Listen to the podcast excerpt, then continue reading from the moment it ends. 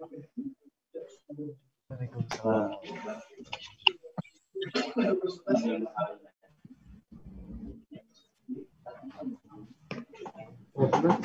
datang Terima kasih, kepada Mas Bapak Andreas. Direktur Pengembangan Ekonomi Lokal, Bapak Terima kasih,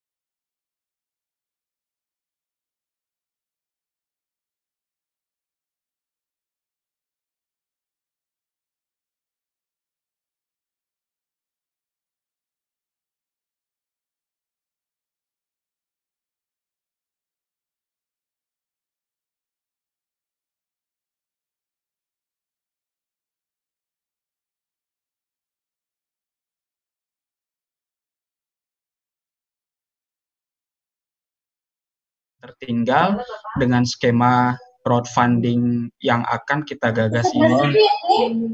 Sini biar ada hujan ini. Hmm. Dia puncak Konawe Kepulauan. Oh ya, Ya. selamat datang.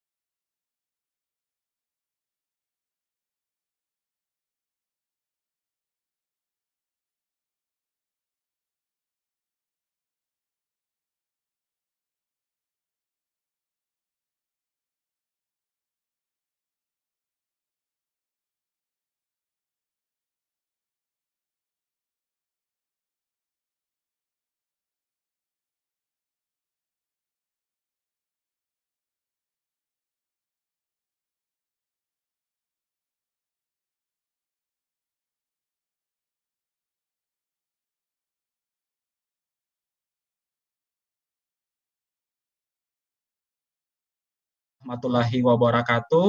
Uh, salam, shalom, salam sejahtera, Om Santi Santi Om kepada Bapak Ibu, saudara-saudara kami dari seluruh wilayah di Indonesia, dari Sabang sampai Merauke, baik itu yang ada di desa, di kecamatan, pemerintah kabupaten maupun di, di pemerintah kota. Uh, saya uh, sampaikan sedikit bahwa adapun maksud dari tujuan kami menyelenggarakan acara ini adalah kami dari Direktorat Pengembangan Ekonomi Lokal selama ini cukup concern untuk pengembangan produk-produk unggulan di kawasan pedesaan, baik itu di desa maupun di kabupaten-kabupaten di seluruh daerah di Indonesia dan terkhusus di daerah tertinggal. Nah, kita tahu dalam situasi pandemi sekarang eh, banyak keterbatasan, ada social distancing, PSBB yang membuat kita terbatas dalam melakukan berbagai aktivitas. Dan utama untuk sektor pertanian, terutama sektor logistik, permodalan dan juga jual beli, kita tidak bisa bertatap muka langsung antara pembeli dengan petani sehingga banyak kita temukan panen petani pada saat sekarang tidak bisa masuk ke Jakarta misalnya karena kita harus mengurus SIKM. Sementara masyarakat di Jakarta dan kota besar sangat butuh dengan produk-produk hortikultura dari Bapak Ibu sekalian. Nah, kami dari Kementerian Desa mencoba menjembatani itu semua. Di samping kami membantu pemasaran pertanian Bapak dan Ibu dari petani di desa, kami juga membantu permodalan. Untuk itu, dalam kesempatan yang sangat strategis ini, untuk kali kesempatan hari ini kami mengundang teman-teman dari startup iGrow. Uh, startup iGrow dapat kami sampaikan kepada Bapak Ibu sekalian bahwa iGrow ini merupakan salah satu fintech lending pertama di Indonesia. Apa yang dimaksud dengan lending? Bahwa lending adalah bagaimana platform digital ini mempertemukan antara investor dan petani dalam platform digital. Nah, kita mempertemukan investor yang ada di luar yang punya banyak uh, keuangan umpamanya tapi uh, apa yang dia dapat dengan menabung di bank ini menjadi kurang menarik. Nah, kita coba tawarkan kepada Bapak Ibu yang bertertarik untuk investasi di sektor pertanian, tapi dengan membantu petani-petani kita bagaimana petani kita bisa bekerja dan memproduksi hasil-hasil pertanian yang jauh lebih baik.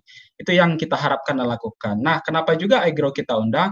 iGrow juga selain membantu mengumpulkan para investor, juga nanti pada saat panen mereka akan membantu menjualkan produk pertanian dari Bapak Ibu sekalian. Nah, ini juga yang kita sekaligus kita membantu dari sektor hulu, bagaimana nanti kita berkolaborasi dari berbagai kementerian dan juga startup iGrow, bagaimana kita mendampingi petani-petani yang telah dibiayai oleh iGrow sampai dia panen. Dan pada saat panen, kita tidak akan membiarkan Bapak Ibu yang pemilik lahan ini untuk tidak terjual panennya. Harapan kita dari startup iGrow akan melakukan penjualan. Itu yang kita lakukan. Nah, yang kami undang hari ini dapat kami sampaikan uh, dari internal Kementerian Desa dari seluruh Direktorat Jenderal sudah hadir. Kami tidak bisa sebut satu demi satu Bapak Ibu berba, uh, Bapak Ibu para direktur uh, sudah hadir di sini. Dan juga dari balai balai pelatihan masyarakat yang seluruh ada di Indonesia. Dan juga kami ucapkan dari Bappenas juga sudah hadir dari OJK juga sudah hadir dari Kementerian Pertanian, Kementerian Koperasi, Kementerian Perekonomian dan Keuangan juga sudah hadir pada hari ini. Dan mitra strategis kami yang kami undang adalah beberapa pemerintah provinsi, baik itu Bapeda, PMD, Dinas Pertanian, maupun Dinas Hortikultura dan Tanaman Pangan. Kami rasa sangat strategis untuk kami undang. Di samping itu kami juga mengundang uh, secara terbuka kepada masyarakat umum yang sekiranya tertarik dengan peer-to-peer -peer lending ini. Dengan harapan, dengan forum yang sampai saat ini telah hadir dihadiri oleh 340 delapan peserta bisa mempertemukan antara pemerintah, antara masyarakat petani di desa, pemilik lahan, dan juga kementerian-kementerian teknis yang siap membantu Bapak Ibu sekalian. Kita tahu bahwa iGrow sekarang berada uh, punya produk bisnis itu lokus bisnis pertama banyak di Jawa Barat. Uh, secara khusus sudah banyak cerita sukses. Kami mengucapkan selamat datang kepada teman-teman secara khusus dari desa dan pemerintah kabupaten dan dinas PMD dan pertanian Provinsi Jawa Barat dan juga daerah-daerah lain di Indonesia. Mungkin Bapak Ibu sekalian itu pengantar dulu dari saya. Dapat kami sampaikan acara kita ini dapat kami sampaikan susunan acaranya yang pertama adalah pembukaan dari Direktor Direktorat Pengembangan Ekonomi Lokal Dirjen PDT Kementerian Desa nanti akan disampaikan oleh Pak Direktur Pak Bahartani Lama Kampali. Kemudian dari narasumber kita hari ini ada tiga. Eh, yang pertama dari iGrow, chairman-nya Pak Iqbal sudah bergabung, dan juga eh, Mas Andreas sebagai CEO, dan juga kami ucapkan selamat datang kepada Pak Munawar dari OJK. Eh, Pak OJK nanti kita Pak Munawar nanti kita harapkan memberi pandangannya seperti apa fintech yang kita tawarkan ini, seperti apa keamanan dan prudent dari investasi yang dilakukan dari skema dengan platform digital saat sekarang dan bagaimana kita bisa melindungi petani-petani kita yang telah memberikan lahannya dengan skema bagi hasil. Nah, kemudian terakhir nanti kita minta dari teman-teman Bapak Ibu dari Kementerian dari Bappenas, Kementerian Pertanian, Kementerian Koperasi dan Kementerian Ekon bagaimana apa yang bisa kita bantu untuk lokus-lokus yang akan kita pilih nanti. Harapan kami kami laporkan kepada Pak Direktur bahwa output yang kita harapkan hari ini adalah bagaimana desa atau wilayah kabupaten yang telah siap hari ini untuk kita bantu menyusun proposalnya untuk kita sampaikan kepada iGrow. Harapan kita iGrow melakukan prioritas kepada teman-teman yang sudah kita fasilitasi sekarang Pak Direktur untuk bisa langsung kita biayai dan kita bantu permodalan sekaligus bagaimana mereka nanti pada saat panen bisa terjual panennya seperti masalah-masalah selama ini bisa kita bantu atasi. Nah, pada sesi tanya jawab nanti kami sangat berharap Bapak Ibu silahkan bertanya apa pun tentang fintech, apa pun tentang permodalan, pendampingan maupun pemasaran. Silahkan nanti disampaikan pertanyaan baik via kalau kami tidak bisa serta merta untuk menyapa Bapak Ibu sekalian pada sesi tanya jawab, kami menyiapkan room chat untuk Bapak Ibu menyampaikan berbagai pertanyaan tim kami akan tim kami dan iGrow akan mencoba menjawab pertanyaan yang tidak bisa kami jawab via online ini, tapi via group chat kami akan tim kita akan mencoba menjawab satu demi satu.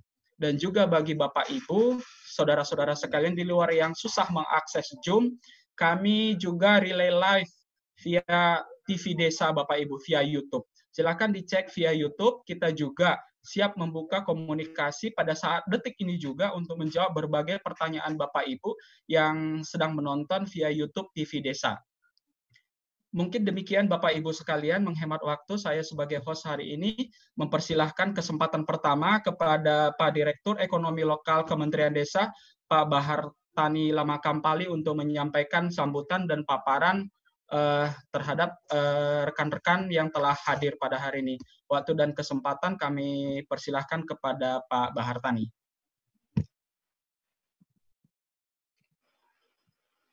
Oke, terima kasih Pak Irwansyah uh, dan uh, Assalamualaikum warahmatullahi wabarakatuh. Selamat siang, salam sejahtera buat uh, Bapak Ibu sekalian. Saya merasa uh, bersyukur bahwa kita bisa uh, hadir uh, pada kesempatan siang hari ini untuk uh, mencoba mendiskusikan uh, saya kira isu yang penting dalam konteks uh, bagaimana kita bisa membantu permodal, permodalan bagi pelaku UMKM yang ada di uh, daerah. Pelaku UMKM dalam hal ini tentu bukan hanya uh, ini bisa uh, termasuk badan usaha milik desa, koperasi, petani ataupun uh, nelayan. Pertama saya tentu harus mengucapkan terima kasih ke Pak Andreas Sanjaya dan Pak Muhammad Iqbal yang sudah berkenan hadir uh, pada hari ini. Alhamdulillah kita uh, bisa uh, ketemu. Kemudian uh, saya juga menyampaikan terima kasih ke Pak Munawar uh, dalam hal ini sebagai perwakilan dari otoritas jasa keuangan ini untuk memastikan bahwa aktivitas kita ataupun ekosistem yang kita coba uh, antarkan ataupun kenalkan ke teman-teman daerah ini merupakan ekosistem yang uh, legal dan diatur uh, secara uh, perundang-undangan. Nah, saya juga mengucapkan terima kasih ke Bappenas, ke Kementerian Pertanian, Kementerian Koperasi, Kementerian, Kementerian Menko PMK, Kementerian Perekonomian dan uh, seluruh stakeholder di lintas kementerian dan lembaga yang sudah hadir hari ini. Dan uh, terutama yang saya kira juga penting untuk saya ucapkan terima kasih adalah teman-teman uh, di uh, daerah. Karena walaupun bagaimana bagusnya uh, ekosistem yang coba kita kenalkan ke teman-teman uh, semua, uh, implementasinya ini uh, ada di teman-teman uh, di daerah.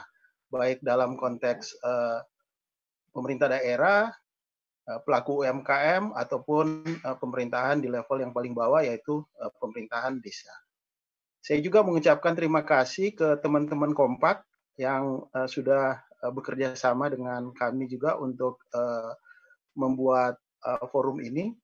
Intinya Bapak Ibu sekalian bahwa kami mencoba mengenalkan ekosistem ini ke kita semua. Terus terang kami juga sedang mempelajari ekosistem ini dan kami melihat ini uh, sesuatu yang baik untuk uh, bisa uh, kita uh, perluas lagi ekosistemnya sampai dengan teman-teman uh, di desa.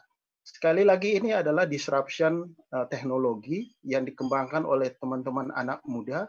Dalam hal ini hari ini kita coba hadirkan uh, iGrow uh, yang mencoba untuk memberikan alternatif uh, kepada kita semua sebenarnya.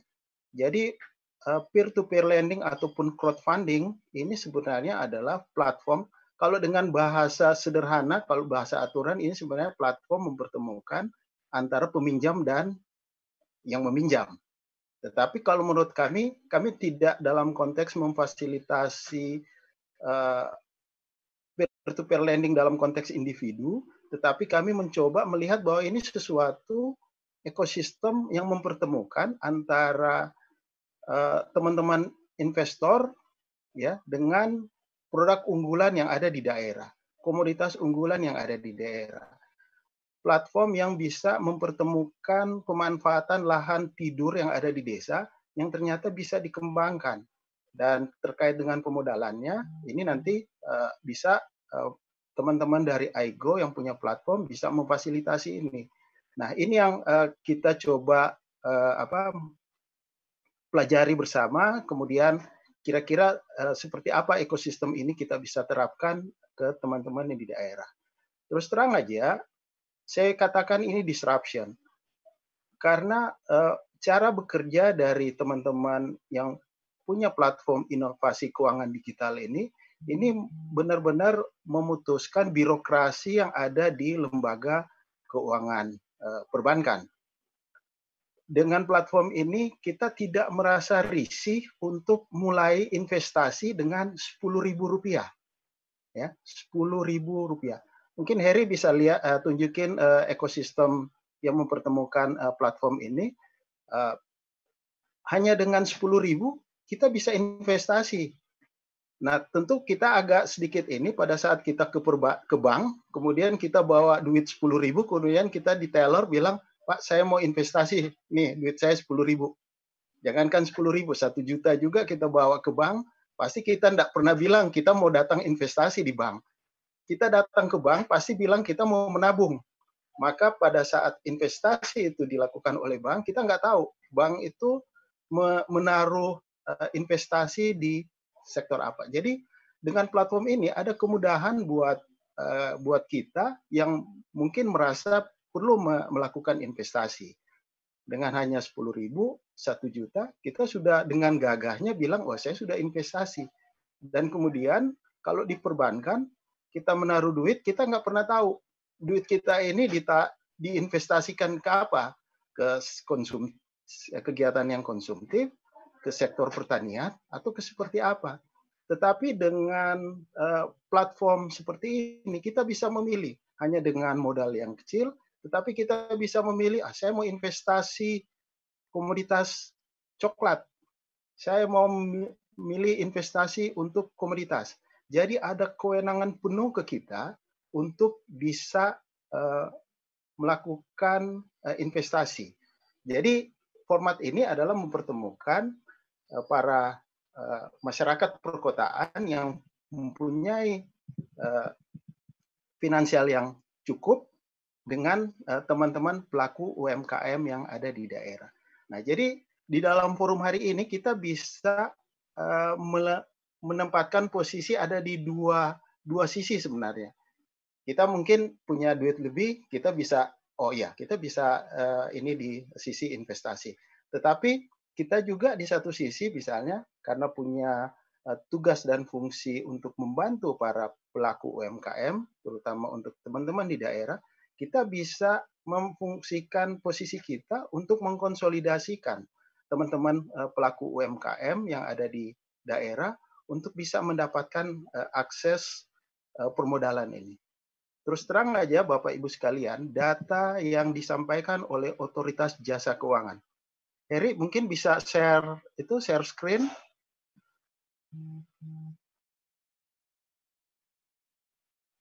Tolong admin.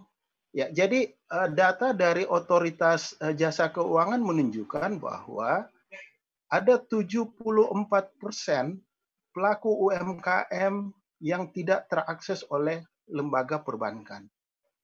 74 persen pelaku UMKM.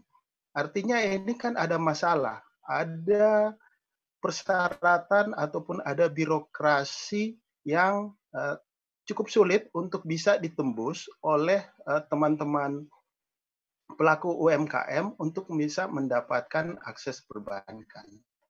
Nah, mudah-mudahan dalam ekosistem ini kita berusaha untuk uh, memberikan alternatif lain kepada teman-teman uh, pelaku UMKM untuk mendapatkan akses permodalan dengan birokrasi yang tidak terlalu rumit.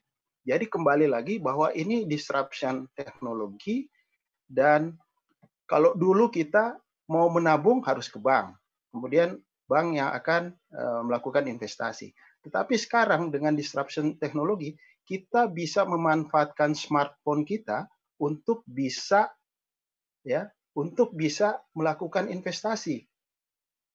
Hanya dengan uh, duit yang tidak besar, kita bisa masuk di aplikasi uh, financial teknologi teman-teman uh, yang punya platform, kita sudah bisa uh, apa mengklaim kita sudah uh, menjadi investor tanpa harus kita minder datang ke uh, ke kantor perbankan. Nah, mudah-mudahan uh, forum hari ini kita bisa lebih banyak uh, mendengar dari uh, tawaran yang akan disampaikan oleh teman-teman platform iGrow. Terus terang kami tidak hanya memfasilitasi salah satu platform, kami mencoba untuk membuat serial diskusi. Jadi ini adalah eh, tugas dari kita sebagai pemerintah untuk memperkenalkan semua teman-teman pelaku inovasi keuangan digital untuk mendapatkan ekosistem yang baik untuk supaya mereka bisa berkembang dengan baik. Jadi ini tugasnya pemerintah, ya kan? Tugasnya pemerintah untuk berikan ekosistem yang baik. Jadi saya pikir nanti iGrow terlalu luas Indonesia hanya untuk iGrow sendiri terlalu luas eh, apa Indonesia hanya untuk Tanifan misalnya. Terlalu luas Indonesia hanya dengan Santara. Jadi kesimpulannya kita harus memberikan kesempatan ke teman-teman anak-anak muda ini untuk mem mem menyampaikan gagasannya. Ternyata ada idealisme yang uh, kami lihat dari eh, teman-teman uh, pelaku inovasi keuangan digital ini untuk bisa membantu permodalan bagi teman-teman yang ada di daerah. Nah, mudah-mudahan hari ini kita bisa berdiskusi dan uh, kita bisa mendengarkan dengan baik. Nah, ini memang tantangan buat uh, Mas Andreas Sanjaya sama Pak Muhaimin Iqbal. Ya, kita terus terang uh, Kementerian Desa, PDT dan Transmigrasi. Jadi harus keluar dari Jawa, Pak Mas Andreas sama Pak Muhaimin kita harus praktekkan di luar Jawa. Kalau kemarin kami dapat informasi data dari OJK bahwa uh, aktivitas teman-teman ini masih lebih banyak di Jawa, ya kan? Uh, masih uh, sedikit untuk yang di luar Jawa. Nah, hari ini ini forum untuk Mas Andreas menyampaikan gagasannya agar supaya kita bisa implementasikan. Kita bisa berikan contoh-contoh satu ya di masing-masing daerah yang kemudian nanti bisa menginspirasi ke teman-teman lain untuk bisa mempelajari ekosistem ini. Jadi ini tantangan buat uh, siapa uh, Mas Andreas, Pak Muhaimin untuk bisa uh, kita masuk kalau perlu sampai ke wilayah paling timur di Indonesia, Papua misalnya untuk kembangkan kopi di Jayawijaya, kembangkan buah naga di eh, ya uh, ya kembangkan uh, rumput laut misalnya di uh, mana di Sorong. Jadi uh, komoditas-komoditas seperti itu. Jadi kita berikan tantangan. Nah, buat teman-teman di daerah juga sekalian, saya sampaikan bahwa uh, target kami dari forum hari ini tidak hanya sampai di forum sosialisasi. Target kami adalah bisa kita lanjutkan, kemudian kita bisa mungkin kalau saya lihat peserta yang hadir hari ini udah 419 dan mungkin juga dari uh, forum YouTube lebih dari ini. Saya berharap nanti mungkin saya tidak muluk-muluk, tetapi mungkin kita bisa dapatkan 10 visibility study, 10 portofolio yang bisa naik di platform iGrow. Ya. 10 portofolio yang bisa naik di platform iGrow entah itu pengembangan komoditas kelapa, kopi, tomat atau seperti apa ya nanti uh, kita ini. Jadi target kami tidak hanya dalam konteks sosialisasi, tetapi kami berharap ada proses tindak lanjut dari forum ini. Terus terang Bapak Ibu sekalian, kami sampaikan kami juga mengundang teman-teman pelopor desa dari eh, teman-teman provinsi Jawa Barat. Ini sudah lebih konkret. Ya, tinggal selangkah lagi kita bisa uh, kita bisa lebih uh, mengkonkretkan dan saya harap saya harap ini uh, apa yang sudah diimplementasikan kerjasama Agro dengan teman-teman pelopor desa di Jawa Barat ini sudah bisa uh, diimplementasikan dengan baik sehingga teman-teman dari uh, daerah lain untuk uh, bisa meniru uh, ekosistem ini. Nah, tentunya tidak tidak ringan ya buat kita teman-teman di pemerintahan untuk memfasilitasi ini. Kita berharap setelah forum hari ini tadi saya sampaikan ada minimal 10 portofolio ya yang naik di platform ini. Artinya apa? Kita harus mengkondisikan teman-teman pelaku MKM. Kita harus mengkondisikan desa di mana lahan yang akan dikembangkan, di mana lahan tidur yang tidak termanfaatkan selama ini mau dikembangkan komoditas apa. Jadi kegiatan-kegiatan yang detail seperti itu yang harus kita coba tindak lanjuti. Jadi kita tidak hanya sekedar tertarik dengan konsep, tetapi kira harus membuat uh, kegiatan yang lebih detail untuk bisa naik menjadi sebuah uh, platform, sebuah portofolio yang siap ditawarkan ke investasi di platform iGrow. Kami sudah diskusi dengan teman-teman iGrow dan menyampaikan bahwa uh, nanti bisa ditanyakan lagi kalau hanya pembiayaan satu miliar dua miliar ya untuk pengembangan komoditas A atau B itu tidak sampai sehari sudah bisa terbiayai. Ini yang perlu uh, kami sampaikan juga bahwa tidak cukup lama uh, bahwa uh, tawaran dari proposal yang ditawarkan oleh Bapak Ibu sekalian apabila memang sudah dilihat dari sisi kelayakannya tidak tidak begitu lama untuk bisa uh, terbiayai.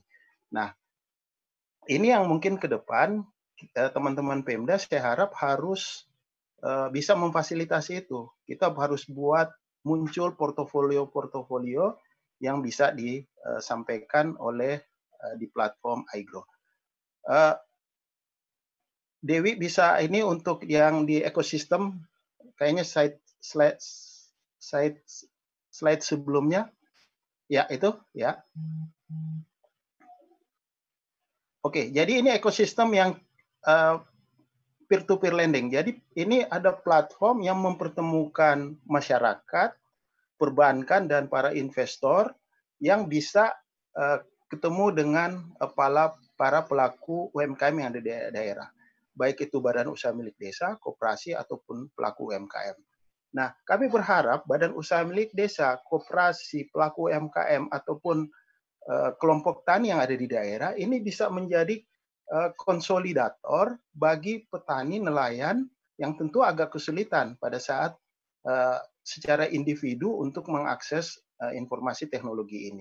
Jadi kami berharap peran dari badan usaha milik desa, koperasi, pelaku UMKM, kelompok tani bisa mengkonsolidasikan ke teman-teman individu, petani, nelayan dan uh, lainnya.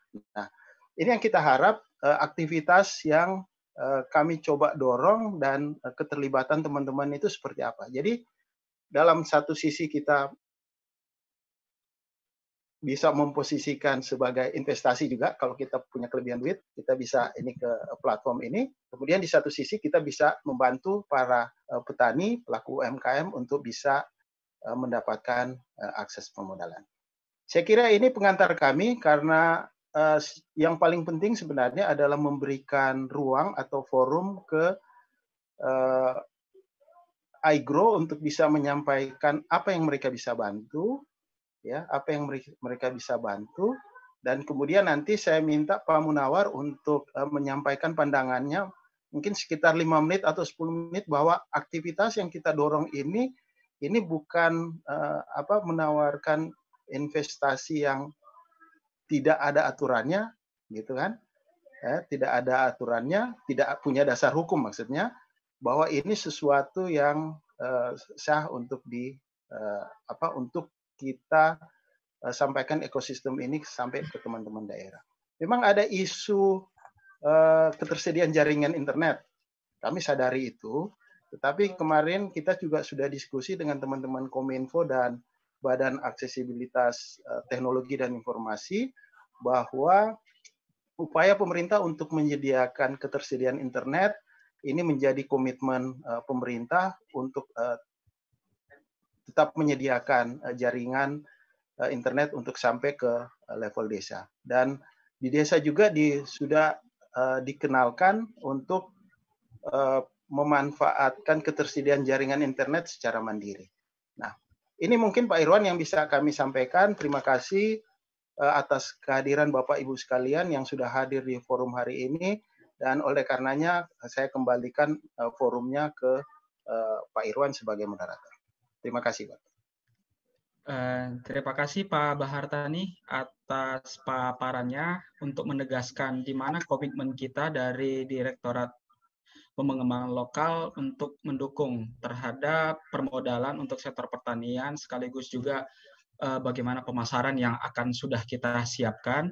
Uh, kembali di sini saya sapa uh, saya mengucapkan terima kasih bahwa acara kita ini didukung penuh oleh teman-teman dari Kompak dan juga didukung oleh dari OJK. Kami mengucapkan selamat datang kepada Bapak Ibu dari Kementerian Kemenko PMK, dari Kemenko Perekonomian, Kementerian Pertanian, Kementerian Koperasi, dan juga selamat datang kepada Pak Munawar dari OJK yang sudah hadir. Kami ucapkan selamat datang juga kepada PT Pertani Persero dan juga Bapak yang terhormat dari DPR RI kami lihat sudah ada bergabung.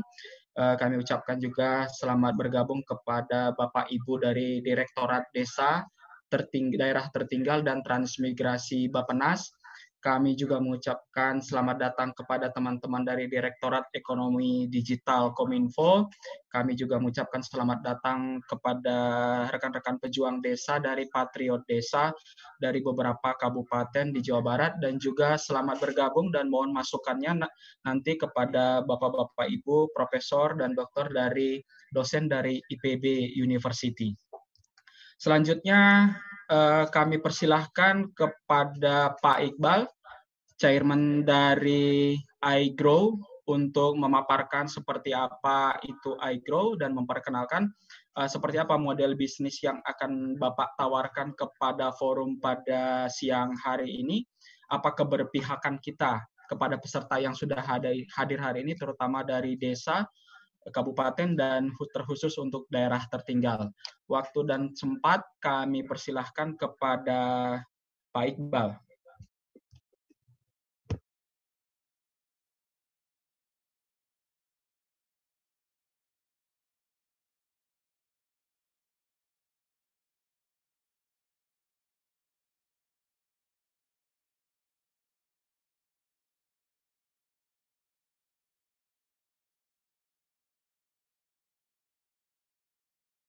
Ya. Iya, Udah, hanya jadi. Kalau Pak Iqbal sedang tidak online, bisa Mas Andreas dari CEO iGrow lebih dulu sebelum Pak Iqbal. Termute sepertinya Mas Irwan. Jadi mungkin Termute ya. Minta izin. Ya, Teman-teman host unmute. minta tolong dibuka Pak Iqbalnya. Izin sudah Pak, sudah bisa di unmute sendiri Pak. Oke, oke, silakan Pak. Iqbal. Sudah Pak? Sudah ya? Oke, sudah Pak Iqbal, silakan. Baik. Bismillahirrahmanirrahim. Assalamualaikum warahmatullahi wabarakatuh. Eh, Bapak Ibu sekalian, terima kasih atas waktu yang diberikan ke kami untuk bisa eh, menyampaikan apa yang sedang kami lakukan ini. IQ lahir dari seorang petani. Saya sendiri seorang petani lama dan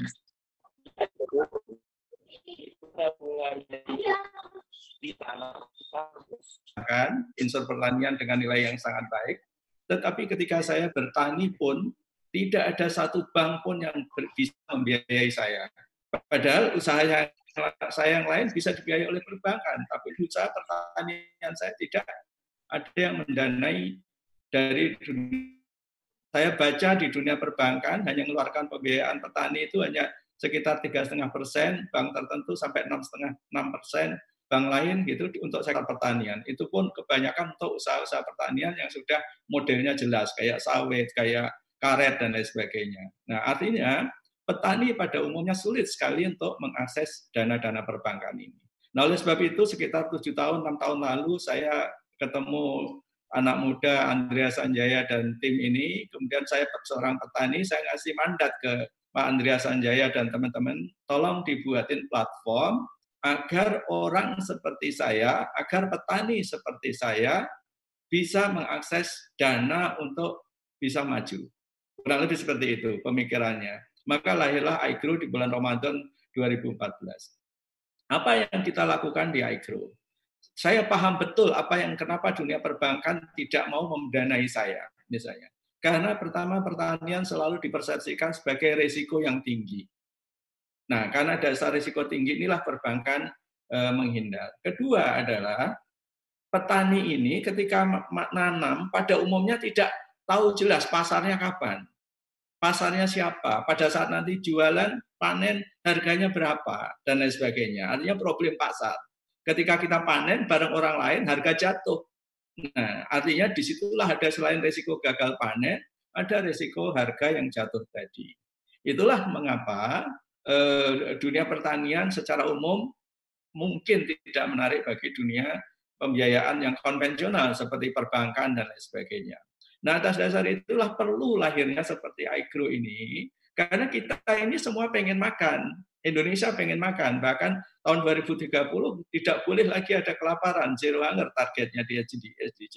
Tapi nggak ada yang mau biayai petani. Jadi ada yang uh, tidak match antara kebutuhan kita untuk bisa makan, bisa uh, bangun self uh, food security, tapi tidak ada yang mau mendanai, kan itu. Maka itulah lahir iGrow yang dengan berdarah-darah, bahkan dulu sebelum iGrow lahir sebelum adanya aturan uh, fintech lending di OJK. Jadi kita waktu itu masih mencari model bagaimana membiayai petani ini. Sehingga dengan berdarah-darah kita berusaha melakukan ini. Alhamdulillah setelah ada OJK semuanya menjadi lebih rapi, lebih termanage dan lain sebagainya. Alhamdulillah dengan binaan OJK insya Allah ke depan juga banyak lahir uh, iGrow-iGrow atau fintech baru yang uh, misinya kurang lebih uh, sama gitu ya setelah kita kan gitu ya. Dengan konsep seperti ini, maka lahirlah iGrow untuk menjawab problem petani. Nah, pengalaman kami dalam enam tahun terakhir, kami petakan masalah utamanya yang dihadapi petani ini nanti juga pengalaman bagi teman-teman nanti di daerah.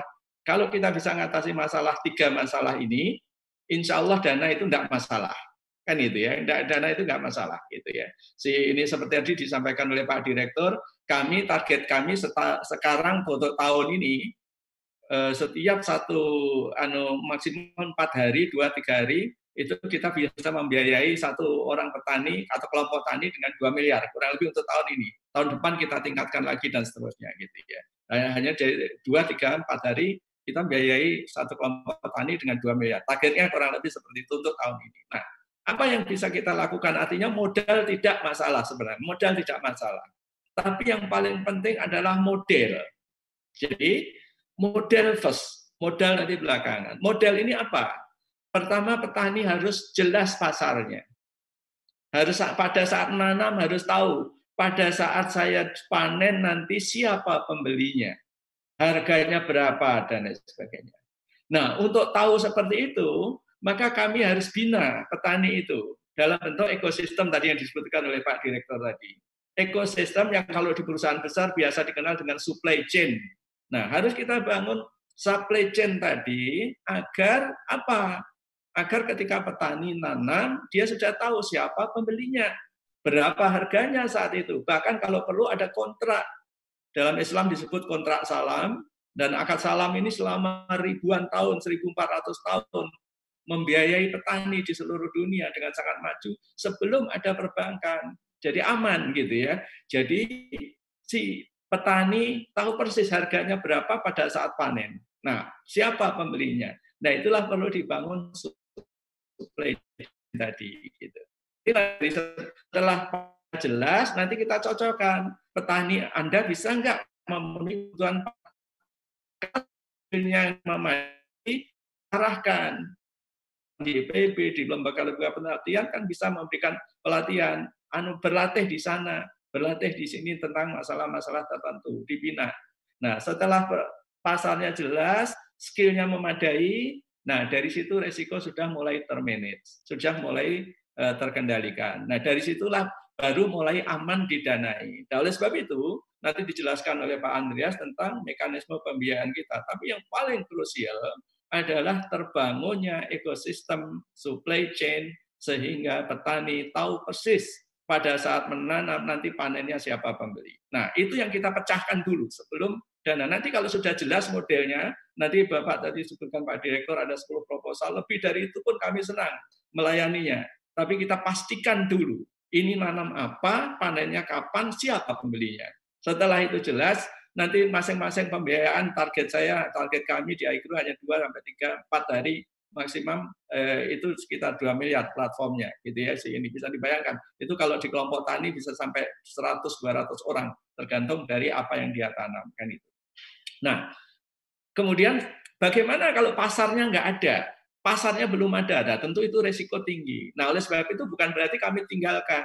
Kami akan carikan mitra dibina apa yang kita lakukan supaya nanti para petani ini ada pasarnya jelas dulu sebelum mendapatkan pembiayaan. Karena siapa pun yang membiayai akan risiko yang sangat tinggi ketika dia menanam sesuatu belum ada pasarnya. Nah, oleh sebab itu pasar ini harus kita putuskan, kita arahkan. Nah, oleh sebab itu saya ingin mundur sedikit. Bagaimana kita mengarahkan petani eh, bisa ketemu pasar pada saat eh, panennya nanti, gitu ya. Eh, Bapak Ibu tentu pernah eh, belajar memahami bahwa ekonomi satu negara yang disebut GDP yang menentukan tingkat kemakmuran itu unsurnya adalah konsumsi C tambah investasi tambah pembiayaan pemerintah C. Nah, ditambah atau dikurang dari neto antara pengeluaran atau ekspor yang dibeli ya, ekspor dikurangi impor. Nah, kalau satu daerah misalnya satu desa tertinggal dia bisa makmur kalau semua yang dia butuhkan adalah dibeli dari luar. Karena berarti pengurangnya sangat besar.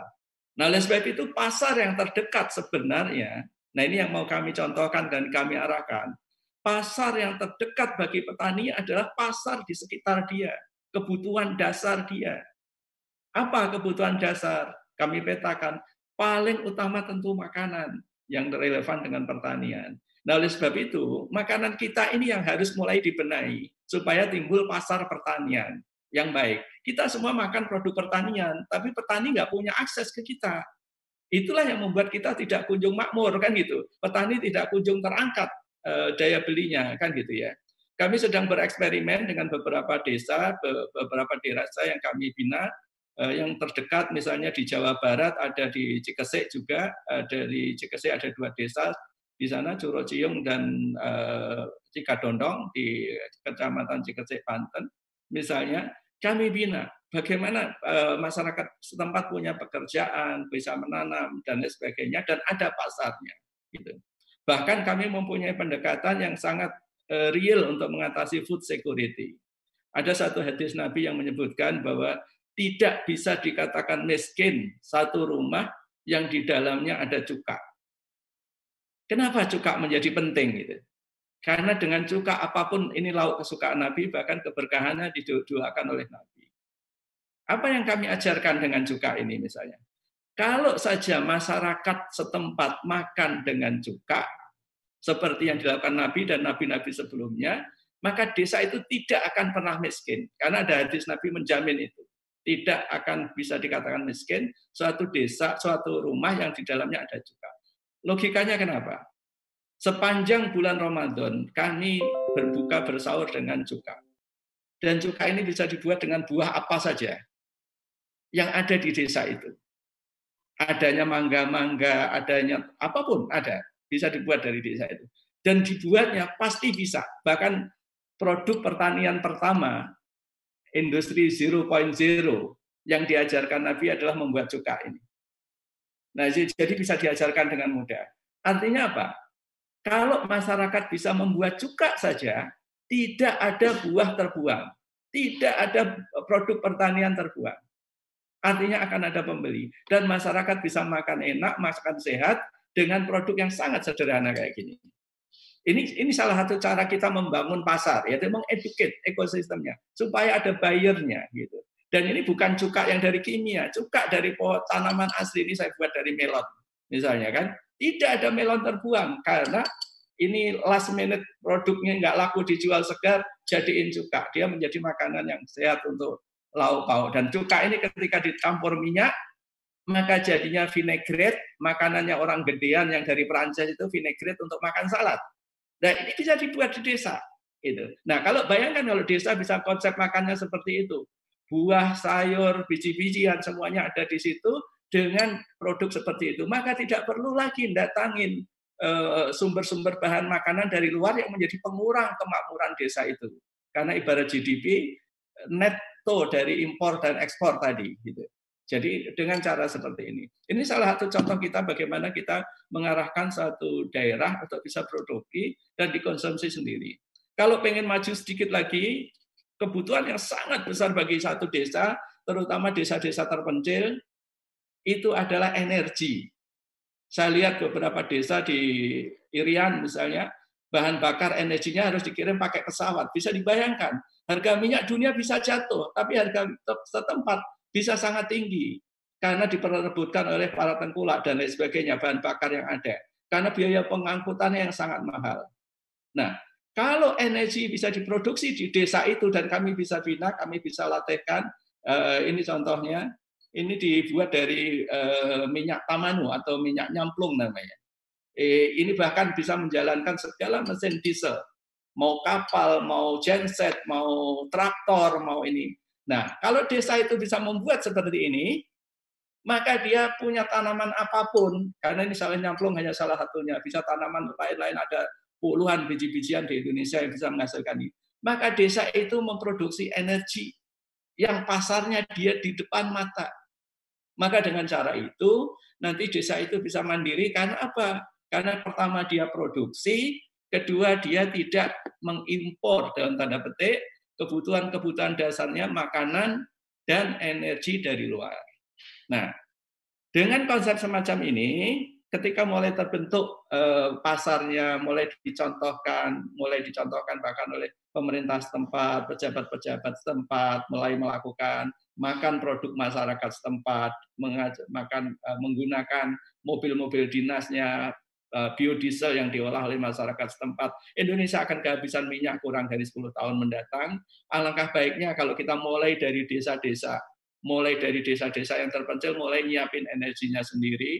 Nanti orang kota kembali belajar dari desa dengan konsep ini. Kami eh, ada mitra-mitra kami yang siap melatihkan ini semua agar masyarakat bisa memproduksi sesuatu yang dia butuhkan sendiri. Nah, setelah kebutuhan dasar yang sifatnya makanan dan eh, apa namanya eh, energi tadi terpenuhi, pasar sudah di sini, nah baru desa itu bisa hidup normal baik dan memproduksi bisa memikirin produk-produk lain untuk daerah lain, ekspor lain, misalnya diekspor ke tempat lain. Di Indonesia amat sangat banyak produk pertanian, bahkan dalam 10 tahun mendatang Eropa akan beralih ke bioekonomi, Bapak Ibu sekalian. Di, eh, di era bioekonomi yang terjadi dalam 10 tahun yang akan datang, kembali setiap jengkal lahan di Indonesia akan menjadi tambang emas bagi dunia. Kenapa? Karena di era bioekonomi, semua kebutuhan, baik energi, pangan, maupun feedstock untuk industri, itu dibangun, dibuat dari tanaman-tanaman. Sebagai contoh, kalau Bapak lihat mobil, komponen mobil, semua sekarang terbuat dari mayoritas sintetik eh, fiber dari chemical dan lain sebagainya. Kurang dari 10 tahun yang akan datang, itu sudah akan berganti semuanya menjadi eh, biofiber nanoselulus dan lain sebagainya. Dan namanya keren kayak nanoselulus dan lain sebagainya, tapi itu bisa dibuat dari air kelapa. Di seluruh Nusantara ada air kelapa dan kami bisa mengajarkan ini. Eh, ada teman-teman kami profesor-profesor di IPB yang siap juga mengajarkan hal-hal semacam ini gitu ya si ini. Tahun lalu Jepang merilis eh, mobil konsepnya yang dibuat dari nanofiber, selulus, eh, nanoselulus fiber ini. Eh, Jepang masih pakai teknologi eh, nanoselulus yang agak belakang dari tanaman yang dihancurkan. Padahal di Indonesia punya potensi lain, yaitu dari air kelapa, dari segala limbah pertanian bisa menjadi bahan baku industri masa depan, yaitu dengan eh, disebutnya adalah bakterial nanoselulus. Jadi hanya dengan bakteri seperti saya membuat cuka ini, nanti Bapak Ibu bisa membuat nanoselulus fiber Eh, yang bisa menjadi bahan baku industri. Ini sekedar beberapa contoh dari produk-produk masa depan yang bisa dihasilkan oleh daerah yang sangat terpencil sekalipun. Yang dibutuhkan apa? Setelah kita bisa, setelah kita ketemu pasar dan lain sebagainya, pembiayaan. Nah, pembiayaan tadi sudah saya jelaskan. Pembiayaan itu belakangan karena itu mudah. Yang saya sampaikan tadi, 2 sampai 4 hari nanti Bapak punya proyek percontohan satu desa sudah jelas uh, dua empat hari akan dapat dua miliar kan gitu kurang lebih seperti itu. Tapi yang paling susah atau yang paling harus diputuskan dimatangkan dulu model ekosistemnya dulu. Saya nanam ini, pembelinya ini atau diproses ini dan lain sebagainya. Sebagai contoh saya kasih contoh yang konkret satu desa yang kita bina dengan produksi buah. Ya, kebanyakan buah penyakitnya karena produk pertanian itu dia perishable, mudah sekali rusak. Kalau buah nggak terjual, maka dia rusak. Maka setiap panen buah harganya jatuh. Setiap panen buah harganya jatuh. Lantas apa yang kami arahkan satu daerah penghasil buah ini? Gitu. Pertama, buah-buah yang bagus, segar bisa dibuat, dijual sebagai pasar normal, nggak masalah. Tapi yang nggak terjual dijadikan apa? Pilihan pertama, dibuat jus dengan konsentrasi tinggi. Pertama dibuat jus dulu akan konsentrasi tinggi. Nanti kami ajarkan juga cara membuat jus konsentrasi tinggi ini. Tuh, karena jus itu mudah sekali dipalsukan. Oleh sebab itu kami harus bina betul supaya produk jusnya kualitas tinggi. Setelah jus berkualitas tinggi untuk apa?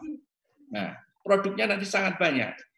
Misalnya Bapak Ibu yang salah satu eh, lihat misalnya di Bali ada fruta gelato. Nah, fruta gelato itu uh, gelato tapi dari buah tropis kita. Itu kami yang mengajarkannya. Buah tropis kita. Jadi dari buah tropis kan kita. Jadi dibuat jus dulu dengan kualitas tinggi jadi gelato. Kalau Bapak Ibu yang di Bali coba cari fruta gelato. Di sana itu dari buah asli kita. Artinya sudah ketemu pasar kan demikian kan Bu ya. Si ini gitu. Nanti ada produk lain. Setelah diambil jusnya nggak nggak jadi gelato jadi apa? Kami sedang menyiapkan apa yang kita sebut buah salju. Kalau Bapak Ibu tahu putri salju, makanan yang enak dari roti itu, nanti ada versi buahnya, persis seperti itu yang terbuat dari jus buah tadi. Gitu. Ada lagi dry gel, dry gel. Dry gel itu seperti jelly gitu, tapi kering sehingga bisa dikonsumsi. Nah itu produk-produk yang berbasis buah tadi. Setelah itu nggak kepakai semua, jadi apa? Jadi cukai. Ya. Jadi eh, dengan cara seperti ini, insya Allah desa-desa yang kami dibina, daerah Bapak Ibu juga bisa, daerah yang menghasilkan buah sekarang ada solusinya. Yang masih kami cari solusinya lagi adalah sayur memang sayur belum ketemu, ano, pohon industrinya belum terpetakan dengan baik. Tapi untuk buah, insya Allah kita sudah terpetakan dengan baik. Jadi daerah-daerah Bapak yang penghasil buah nanti mungkin lebih cepat pemetaannya ini karena seperti itu. Apalagi kalau dikonsumsi oleh lokal. Jadi intinya nanti lebih detail proses pembiayaannya oleh Pak Andreas Sanjaya. Intinya yang kami tekankan adalah sebelum suatu proyek pertanian bisa didanai, pertama adalah Eh, pasarnya harus jelas, skillnya harus memenuhi standar, ada resikonya termanage. Nah, khusus yang poin terakhir ini, eh, resiko yang termanage yang oleh teman-teman perbankan eh, dihindari itu sebenarnya ada mekanisme yang sangat indah. Terutama bagi saudara-saudara saya yang beragama Islam, ada solusi yang sangat indah untuk pengelolaan resiko pertanian itu. Bapak Ibu tahu zakat pertanian itu nilainya 5 sampai 10 persen. Nilainya zakat pertanian itu 5 sampai 10 persen. Dan zakat itu untuk siapa? Untuk fakir, untuk miskin, untuk amilin, untuk yang eh, membebaskan budak, eh, dan salah satunya adalah untuk gorimin, untuk membayari orang yang berhutang. Jadi apa yang kami eh, tawarkan ke daerah Bapak Ibu sekalian, petani yang kami bina nanti Bila dia seorang muslim, petaninya kelompok taninya muslim, kita bina karena zakat itu wajib. Begitu panen Anda melebihi 300 eh, genggaman tangan ini, maka Anda wajib bayar zakat. Nah, zakat, oh saya miskin kalau suruh bayar zakat. Zakatnya nanti ketika Anda panen membayar zakat, ketika Anda gagal panen, gagal bayar, hutang Anda dibayari dengan ini. Jadi zakat yang dia bayarkan itu sangat cukup untuk membayar premi asuransi, dikelola dengan konsep asuransi.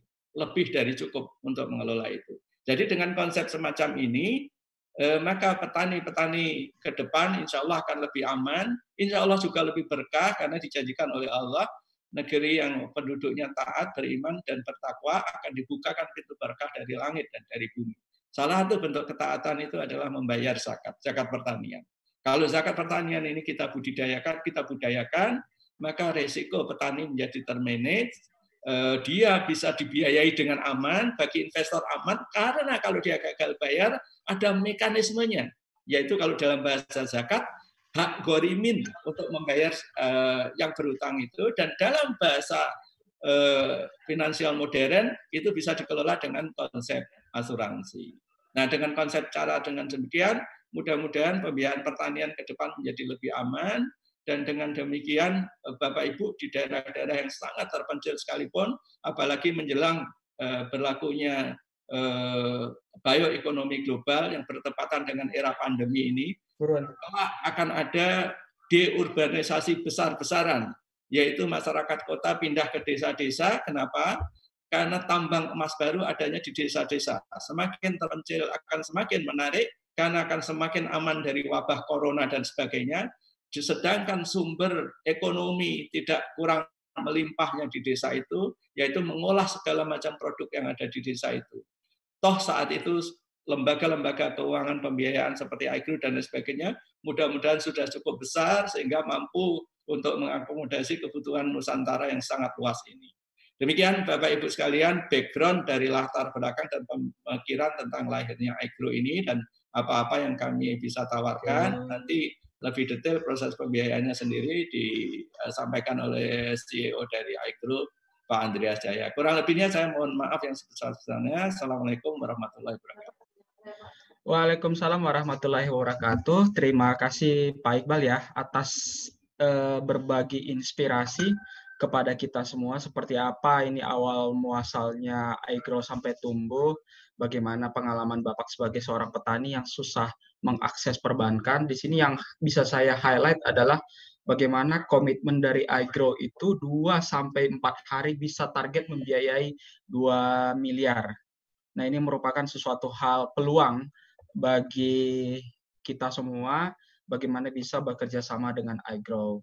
Nah, ini yang kita harapkan juga kita telah bersepakat bahwa dan kita juga sama berada di frekuensi yang sama bagaimana kita sejak dua tahun ke belakang telah sama-sama melakukan dalam mengintervensi desa dan daerah kita membangun ekosistem, kita membangun supply chain untuk mengatasi berbagai masalah yang telah dilakukan oleh pemerintah atau siapa pun selama ini. Mudah-mudahan dengan supply chain yang sama-sama kita bangun dari hulu sampai hilir betul-betul memberikan jaminan pasar kepada petani karena bagaimanapun petani selalu merasa dirugikan ketika panen produknya tidak terjual. Nah, untuk untuk itu kita dari sekarang dengan iGrow kita melakukan pendekatan hulu dan juga kita sudah masuk ke hilir dari iGrow juga siap mencarikan pasar.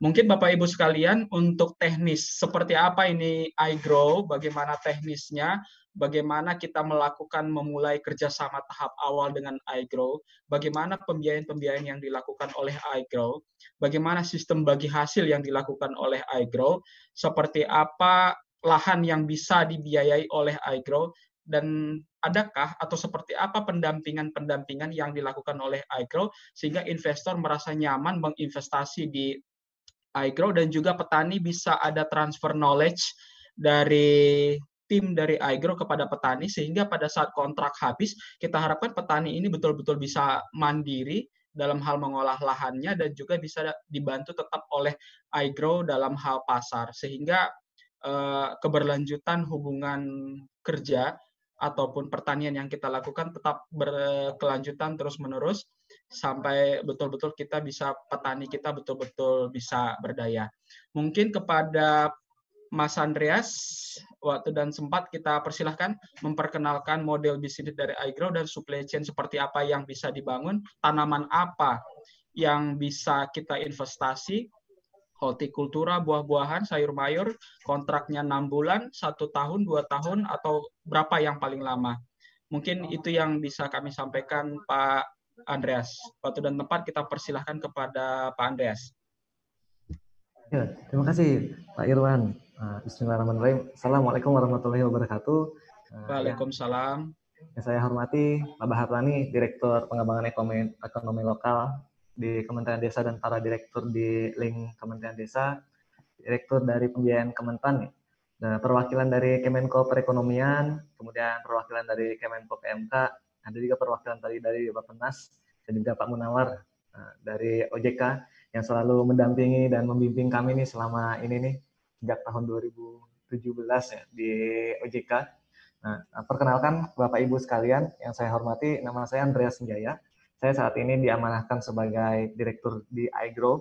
Seperti yang disampaikan oleh Pak Muhammad Iqbal, kalau misalnya iGrow ini memang inisiatif yang sudah sangat lama sekali kami uh, inisiatifkan sejak tahun 2014 pada waktu itu. Bahkan ketika kita memulai inisiatif pertama di, di dunia pertanian itu sejak tahun 2013 melalui perjalanan yang cukup panjang. Jadi memang ini lahir dari semangat gimana caranya kita mensejahterakan petani di Indonesia dengan berbagai macam inisiatif-inisiatif yang tidak mampu untuk bisa dipermudah dengan mempergunakan teknologi dan pengetahuan. Dulu ingat sekali pertama kali inisiatif bersama dengan Pak Iqbal di tahun 2013, kami memulai dengan sebuah platform teknologi big data di dunia pertanian. Kemudian karena masih terlalu dini waktu itu teknologi secanggih big data di dunia pertanian Indonesia, akhirnya kami shutdown dulu proyeknya, kemudian kami beralih ke sebuah e-commerce untuk bisa membantu para petani menjualkan produk hasil panennya kepada masyarakat secara langsung. Namun dulu tahun 2013 uh, eh, infrastruktur di Indonesia masih belum semature saat ini, masih belum semaju saat ini. Kalau sekarang kan kita lihat banyak beberapa e-commerce yang langsung bisa menjajaki produk pertanian dari hasil panen petani kepada masyarakat kota. Dulu tahun 2013 sangat sulit kami melakukannya. Kami melakukan dari hulu ke hilir, harus membutuhkan berbagai macam infrastruktur ya eh, logistik, infrastruktur marketing, dan semuanya harus kita kawal sendirian. Akhirnya di situ kita mencoba mencari model yang benar-benar bekerja. Muncullah inisiatif iGrow ini. Bagaimana cara kita mampu untuk bisa menghubungkan antara petani dengan pemberi pembiayaan masyarakat luas di Indonesia dengan para pembeli hasil pertanian sehingga kami menjadi ekosistem builder yang ada di sana. Mungkin uh, Pak Iwan atau teman-teman yang lainnya kalau misalnya berkenan untuk share materi kami, karena saya nggak bisa share screen di sini, tapi sambil jalan saja. Nah, jadi dari sini akhirnya kami mengembangkan iGrow yang saat ini alhamdulillah sudah berjalan hampir enam tahun lebih ya di di Indonesia dan tadi seperti yang dikatakan oleh Pak Iqbal berdarah-darah karena memang salah satu risiko untuk masuk ke dunia pertanian adalah memang kita harus benar-benar terjun di sana mampu untuk bisa mengambil risiko yang besar di sana tapi mampu untuk juga punya sebuah idealisme yang tinggi untuk terus-menerus mencari cara yang bekerja hingga akhirnya kita menemukan model yang bisa benar-benar bekerja. Ada banyak eksperimen yang kita lakukan dalam perjalanan selama sekitar hampir enam tahun terakhir ini. Tapi salah satu mimpi yang memang saat ini terus kita pelihara itu adalah bagaimana caranya kita mampu menaik kelaskan petani. Jadi salah satu eh, cara kerja IGRO itu adalah gimana melalui pembiayaan ini petani itu bisa dinaik kelaskan dari shareholder farmers menjadi corporate farming yang memang skala medium nggak apa-apa. Jadi jadi dari petani gurem yang individual atau kelompok tani yang kecil yang tadinya kesusahan untuk bisa akses market karena tidak mampu memproduksi dengan skala kuantitas dengan kualitas tertentu, mampu untuk naik kelas. Dan salah satu faktornya adalah dengan pembiayaan dan juga dengan pendampingan, dengan akses pasar. Jadi naik kelas mereka dari smallholder farmers menjadi corporate farming yang nanti corporate farming ini walaupun masih di skala kecil, walaupun masih di skala lokal, tapi sudah mampu untuk bisa menghidupkan ekosistem perekonomian di daerahnya masing-masing.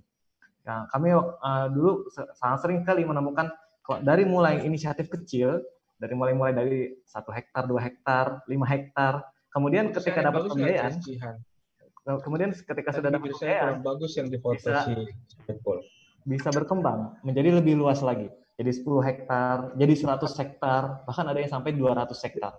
Jadi ini adalah target kami. Dengan pembiayaan itu nanti akan bisa menjadi bola salju bergulir yang terus-menerus mampu untuk bisa memperbesar nih.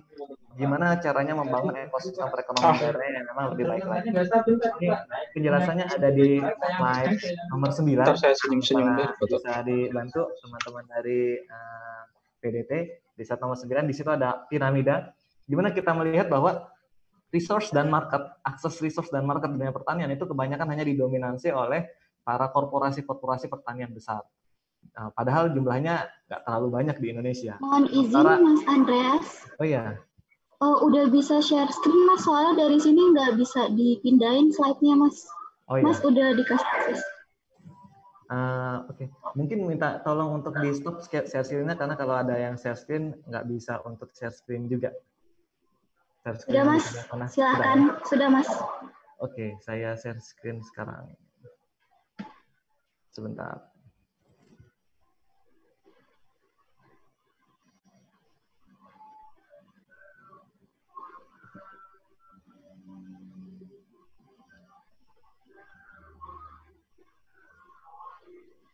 Masih diproses screen. Sudah diizinkan, Mas. Oh ya. Baik.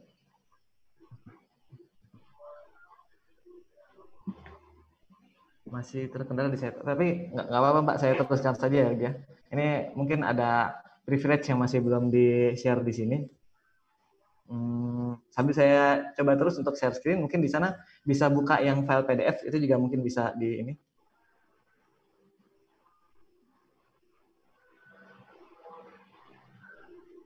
Saya lanjutkan sebentar ya, Pak.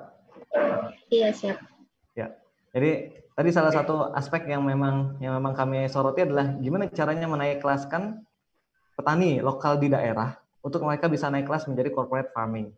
Alhamdulillah saat ini dengan izin yang maha kuasa, kami sudah beroperasi di hampir seluruh pulau besar di Indonesia, Sumatera, Kalimantan, Sulawesi, Nusa Tenggara, Jawa, Bali, memang kami belum sampai masuk ke Papua. Sudah waktu itu ada uh, beberapa inisiatif yang kita hampir lakukan di Papua, cuman terkendala karena beberapa hal uh, keterbatasan dari sisi berbagai macam sisi. Tapi mudah-mudahan kita bisa sampai ke ujung timur di Indonesia dan kami sudah sudah melakukan penanaman proyek lebih dari 50 jenis komoditas yang saat ini ada baik di sisi pertanian maupun budidaya peternakan. Peternakan budidaya itu seperti ikan, kemudian ayam petelur, ayam pedaging, bebek, ayam kampung itu juga masuk di dalam pembiayaan di iGrow. Jadi seperti yang dikatakan oleh uh, Pak Irwan dan Pak Iqbal juga, alhamdulillah saat ini uh, salah satu hal yang kita syukuri adalah kepercayaan dari masyarakat untuk bisa menitipkan pembiayaan mereka melalui iGrow. Karena sejauh ini untuk pembiayaan sebesar 1 sampai 2 miliar rupiah ini murni 100% dari masyarakat, tidak ada kesertaan dari korporasi, tidak ada kesertaan dari entitas keuangan sampai saat ini. Itu murni dari masyarakat seutuhnya itu mampu untuk didanai uh, paling maksimal empat hari kerja. Dan sering sekali pembiayaan itu baru dirilis beberapa jam setelahnya itu sudah habis. Contoh kemarin baru kami rilis di hari Selasa. Hari Selasa itu uh, hari Senin kami rilis, hari hari Selasa kami umumkan kacang hijau hanya selang beberapa jam, pembiayaan yang membutuhkan kira-kira satu miliar itu sudah habis terserap. Kurang dari sekitar 8 jam pada waktu itu. Sama juga pembiayaan di sebelumnya ada pembiayaan melon, kemudian ada pembiayaan lemon, itu juga nah, habis uh, kurang dari Tolong bantuan Ajijah deh. Jadi uh, alhamdulillah itu salah satu hal yang kita syukuri kepercayaan masyarakat kepada iGrow karena memang sudah berjalan uh, enam tahun, hampir enam tahun ya, dan sudah ada cycle bagi hasil, sudah ada cycle kembalikan modal sehingga akhirnya 70% transaksi yang ada di iGrow itu adalah transaksi yang berulang. Dan ini yang terus-menerus kita coba pertahankan sehingga akhirnya uh, dari dari modal masyarakat itu sendiri kita sudah mampu untuk bisa membiayai petani-petani kita. Nah, uh, kita juga sedang menjajaki beberapa partnership dengan berbagai macam entitas untuk mampu mempunyai daya tampung yang lebih besar untuk bisa membiayai proyek lebih banyak lagi kami menyadari bahwa kalau misalnya senantiasa mengandalkan 100% kepada masyarakat retail, masyarakat retail, itu mungkin ada titik kulminasi yang ada di sana. Mungkin ketika pembiayaan kami itu sudah baik besar, atau share juga ke Kalau sekarang kan dalam satu minggunya kami bisa untuk membiayai sekitar uh, 4 miliar sampai 6 miliar. Nah, kalau misalnya nanti mungkin kebutuhannya sudah sangat tinggi, di situ mungkin butuh kesertaan dari lembaga-lembaga yang mampu untuk bisa menggelontorkan berbagai macam pembiayaan kepada sektor pertanian. Alhamdulillah saat ini kita sudah bekerja sama dengan beberapa lembaga dari internasional maupun di lingkup nasional. Salah satunya itu adalah Rabu Foundation dari Belanda. Kemudian juga ada beberapa uh, partnership dari Swiss yang harapannya mampu untuk bisa membawa uang dari luar itu untuk bisa masuk ke Indonesia dan akhirnya mensupport petani-petani lokal kita di Indonesia. Dan juga ada beberapa inisiatif CSR, ada beberapa inisiatif foundation, ada beberapa inisiatif dengan lembaga keuangan yang sekarang ini sedang kita jajaki persiapan.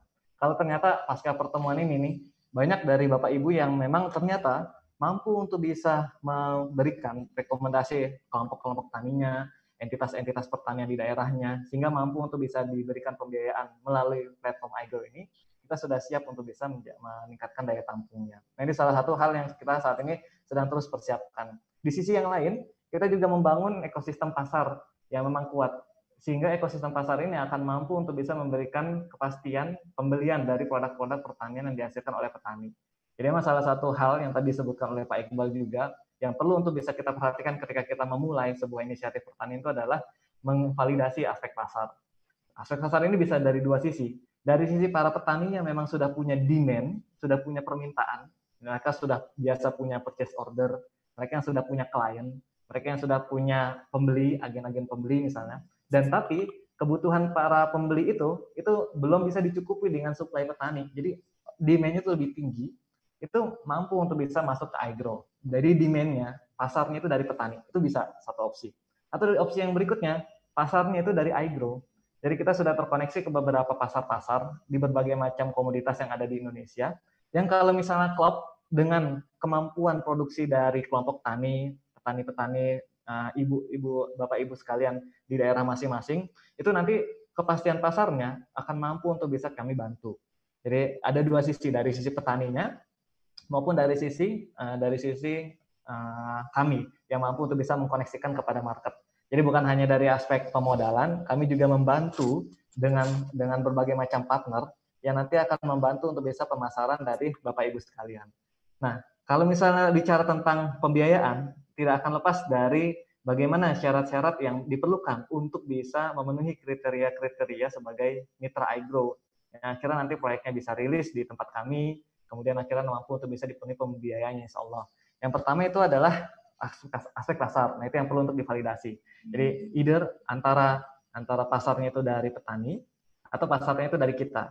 Nah, kalau misalnya ternyata ada beberapa proyek pertanian Bapak Ibu yang fit dengan kebutuhan-kebutuhan kita saat ini, nanti uh, datanya bisa diberikan uh, dari tim iGrow apa saja komunitas yang saat ini kami sedang butuhkan dan kami memiliki jaringannya itu mampu untuk bisa kita validasi di situ sudah sesuai. Kemudian yang kedua, kita akan coba validasi dan verifikasi dari kemampuan dari para petani tersebut. Kemampuan itu bisa ditunjukkan dari pengalaman, bisa ditunjukkan dari hasil saat ini, misalnya berapa produksi dari komoditas yang telah dihasilkan saat ini, berapa uh, keuntungan atau berapa aspek finansial yang nanti akan bisa kita analisis di tim internal kami. Karena itu nanti akan bisa menunjukkan kemampuan dari pengembalian modal yang nanti akan diberikan oleh IGO itu sendiri.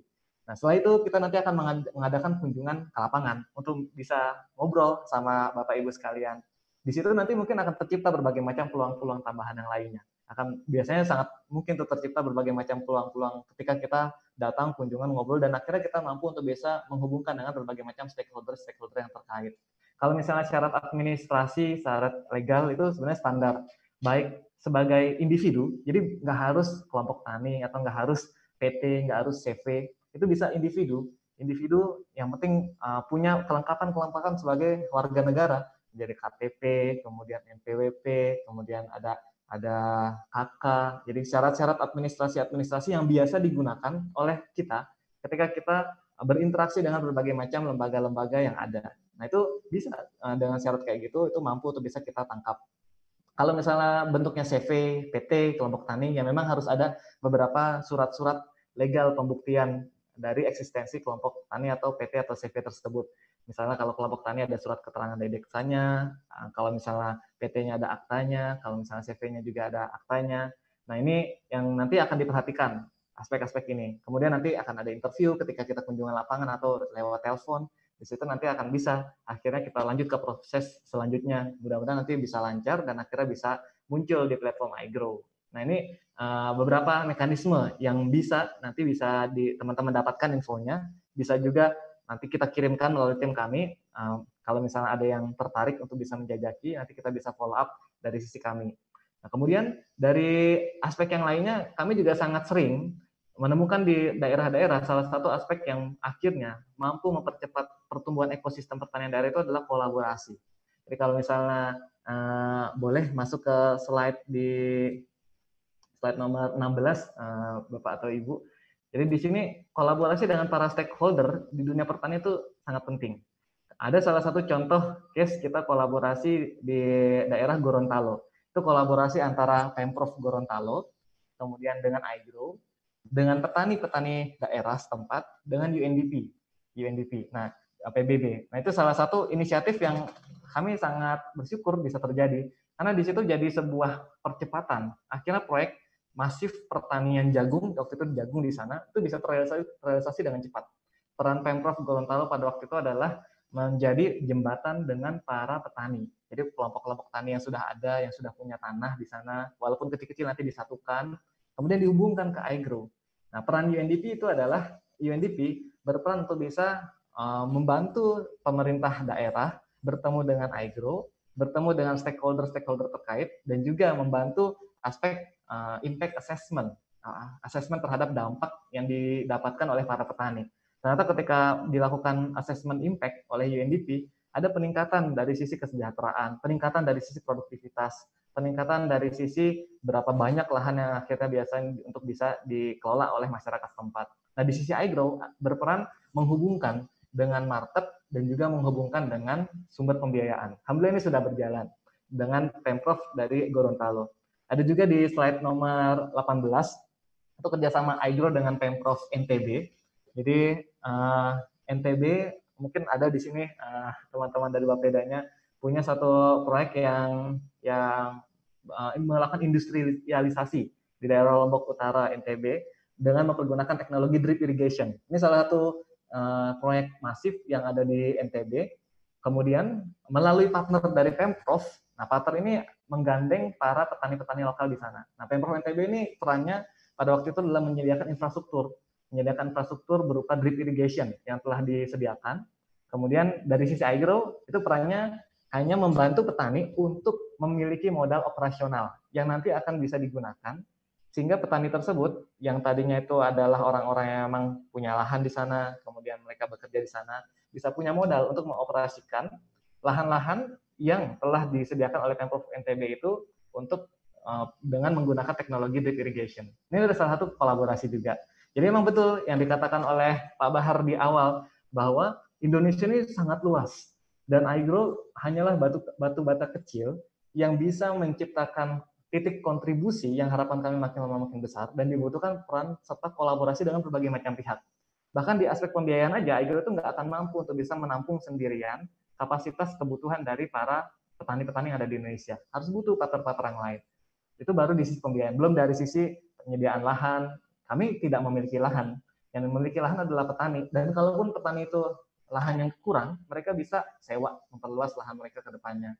Kemudian dari sisi pasar, kami nggak nggak serta merta punya kelengkapan data kebutuhan pasar dari seluruh daerah di Indonesia dan seluruh dunia. Maka dibutuhkan juga jejaring pasar dari petani, dari pemerintah daerah. Jadi ini adalah sebuah mekanisme di mana kita bahu membahu satu sama lain untuk bisa menciptakan sebuah ekosistem yang kondusif sehingga akhirnya pertanian di daerah itu maju. Kalau kurangnya pemodalan, agro bisa langsung masuk di sana. Kalau kurangnya pasar, agro bisa bantu uh, di sana. Kalau kurangnya itu adalah lahan, pemerintah daerah mungkin akan bisa bantu dengan mekanisme sewa kah, atau dengan mekanisme dipinjamkan ke masyarakat dikelola atau mekanisme bagi hasil dengan masyarakat setempat. Kalau misalnya eh, kendalanya adalah infrastruktur fisik, misalnya penyediaan mesin dryer, penyediaan uh, gudang, nah itu bisa juga kolaborasi dengan pemerintah daerah. Kalau misalnya uh, kekurangannya adalah dari sisi SDM, knowledge, uh, kemudian teknologi, nah kita Agro juga bisa supply. Jadi kita terhubung dengan banyak ahli-ahli di bidang pertanian yang mampu untuk bisa memberikan masukan. Para surveyor-surveyor kami juga berlatar belakang penyuluh pertanian yang nanti eh, kalau misalnya datang bukan hanya sekedar mengawasi proses penanaman, tapi juga bisa memberikan advice, memberikan masukan kepada masyarakat setempat. Nah, eh, saat ini dalam kira-kira hampir enam tahun berjalan, kita sudah menyalurkan lebih dari 200 miliar pembiayaan kepada para petani, dan alhamdulillah setiap tahunnya itu doubling, double tiap tahunnya dan harapannya makin lama makin bisa membesar sehingga akhirnya kita mampu memberikan impact yang lebih besar lagi dari waktu ke waktu untuk para petani. Ini di antara kita juga sudah hadir salah satu mitra petani kita, uh, Pak Aji dari Subang. Beliau salah satu budidaya pembudidaya ikan di daerah Subang yang ikut join agro sejak tahun 2019 ya Pak Aji. Nanti mungkin kalau misalnya ada waktu bisa bisa memberikan uh, ininya testimoninya atau pengalamannya ketika bersama dengan Agro kalau misalnya uh, masih memungkinkan waktunya. Itu mungkin Pak Irwan uh, beberapa hal dari saya untuk Bapak Ibu yang tadi belum sempat melihat slide-nya nanti bisa dikirimkan insya Allah slide-nya ini. Anu, anu. Terima kasih. Uh, saya kembalikan lagi kepada Pak Irwan. Assalamualaikum warahmatullahi wabarakatuh. Waalaikumsalam. Oke. Okay. Uh, terima kasih Pak Andreas. Mungkin nanti dengan Mas Andreas, mungkin nanti kita perbanyak di sesi tanya jawab ya. Uh, mungkin itu yang akan lebih maksimal. Mungkin di awal seperti itu dulu perkenalan dari konsep bisnis dari Pak Andreas. Selanjutnya kita minta pandangan atau paparan seperti apa dari Pak Munawar dari OJK. Uh, eh, selamat siang Pak Munawar. Selamat siang Pak. Ya, terima kasih Pak sudah bergabung. Uh, kita minta nih uh, bagaimana advice dari Pak Munawar dari OJK terkait iGrow dan juga bagaimana keamanan investasi dan juga bagaimana perlindungan kepada petani kita di Indonesia yang akan coba kita bantu dan fasilitasi. Waktu dan tempat kita persilahkan kepada Pak Munawar. Oke, terima kasih uh, Pak Irwansyah. Yang terhormat Pak Bahar dan juga ada Pak Muhaimin Iqbal, Pak ini senior saya waktu itu di industri asuransi dulu. Mas Andreas dan Bapak Ibu sekalian, eh, mohon bantuan ya, slide-nya. Kalau nanti saya bisa juga kalau dikasih share bisa host nanti saya slide dan saya share juga. Baik ya. Jadi saya kemarin saya uh, hari Senin kemarin saya Izin Pak, sudah bisa di share dari okay. Bapak. Jadi kemarin uh, sudah diundang oleh Kementerian Desa. Terima kasih banyak atas uh, kesempatannya dan sekarang saya akan menjelaskan juga kebetulan yang sudah diundang ini Aikro. Aikro yang termasuk yang awal-awal untuk uh, fintech di industri pertanian. Jadi kalau model bisnis dan bagaimana dalamnya terhadap apa itu fintech peer-to-peer lending yang bergerak di bidang pertanian nanti bisa didalami dengan Mas Andreas, Bapak Ibu sekalian. Nah, silakan saja. Saya ingin menjelaskan saja bagaimana fintech ini ada di Indonesia dan bagaimana nanti peran OJK. Karena memang ini industri baru. Kalau Bapak Ibu mengikuti perkembangan industri fintech lending ini, perkembangan sangat pesat, tapi isunya juga uh, sepenuhnya kemudian positif kalau kita mengikuti media. Gitu. Nah, siapa yang membuat gaduh di media nanti saya akan jelaskan. Jadi fintech itu sebenarnya kan ini hadirnya kenapa hadirnya fintech di Indonesia, di Indonesia dan dunia sebenarnya adalah salah satu faktornya adalah terkait dengan tantangan di bidang pendanaan. Jadi ini gambar yang saya ini kita peroleh di Global Fintech Database 2017. Mohon maaf saya belum mengupdate lagi ini, apakah sudah ada yang baru. Tapi ini sebagai gambaran saja bahwa ada sebanyak 1,7 miliar orang dewasa tidak memiliki akun di bank. Nah, kalau kita lihat dotnya, Indonesia termasuk yang punya dot yang besar. Artinya banyak banget orang Indonesia yang tidak punya akun bank orang dewasa. Gitu kan. Orang tidak bisa akses uh, ke bank. Tadi Pak Muhammad di awal-awal tadi menyatakan bahwa saya petani tapi untuk bisa dapat akses permodalan di bank nggak bisa. Nah ini kan ini persoalan yang kalau bagi OJK ini persoalan, gitu kan. Dan bagi Indonesia tentu saja juga masalah karena dengan tidak bisa aksesnya orang ke akses pendanaan ini berarti bisnisnya kurang berjalan dengan baik. Nah ini tantangan di bidang pendanaan, eh, saya minta Bapak Ibu bisa lihat di kanan bawah itu ada gap pembiayaan. Jadi ternyata begini, ini riset tahun 2016, riset yang terbaru ini sedang dilakukan oleh teman-teman asosiasi, tentu saja datanya akan berkembang. Jadi di 2016 itu ada kebutuhan pendanaan itu satu 1.600 triliun, hampir 1.650 triliun sangat besar. Nah, ternyata kapasitas pembiayaan oleh industri jasa keuangan, bank, multi finance atau yang lain-lain itu yang dibawa pengusaha OJK cuma 660 triliun. Artinya ada hampir 1000 triliun orang butuh dana tetapi tidak ada yang bisa ngasih. Ya kalaupun ngasih barangkali ya lewat orang tuanya, lewat tetangganya. Tapi kan seharusnya tidak seperti itu. Harusnya itu kan dilakukan oleh sebuah oleh oleh industri pembiayaan, perbankan, kemudian di industri pembiayaan atau di industri yang lain yang secara formal itu difasilitasi oleh negara. Nah sayangnya kan tidak. Data ini dari 1.600 kemudian yang bisa difasilitasi 600-an. 1.000 triliun siapa yang kemudian orang yang akan mendanai mereka? Padahal mereka butuh. Gitu kan. Nah ini ya kemudian salah satu yang buat pemicu adanya namanya fintech. Nah sehingga fintech di Indonesia itu sebenarnya saya dulu membayangkan begini waktu saya belum bergabung di fintech oh fintech ini menjadi pesaing bank gitu. Saya membayangkan dulu seperti itu. Nah ternyata eh, tidak. Fintech ini tidak lagi menjadi pesaing bank. Karena apa? Ya memang bank sudah tidak lagi mampu gitu. Kebutuhan 1.600 kemudian yang didanai cuma 600 ada 1.000 lah 1.000 siapa yang mendanai? Nah ini kan berarti tidak bisa dikatakan sebagai pesaing gitu kan dan ditambah lagi sebenarnya segmen segmennya memang sangat berbeda. Jadi kalau kalau fintech ini kan lebih banyak lebih banyak mengarah kepada unbankable sebenarnya. Tapi saya menjelaskan dulu fintech. Fintech itu bahwa ibu uh, sangat dekat dengan kita. Ada namanya fintech payment.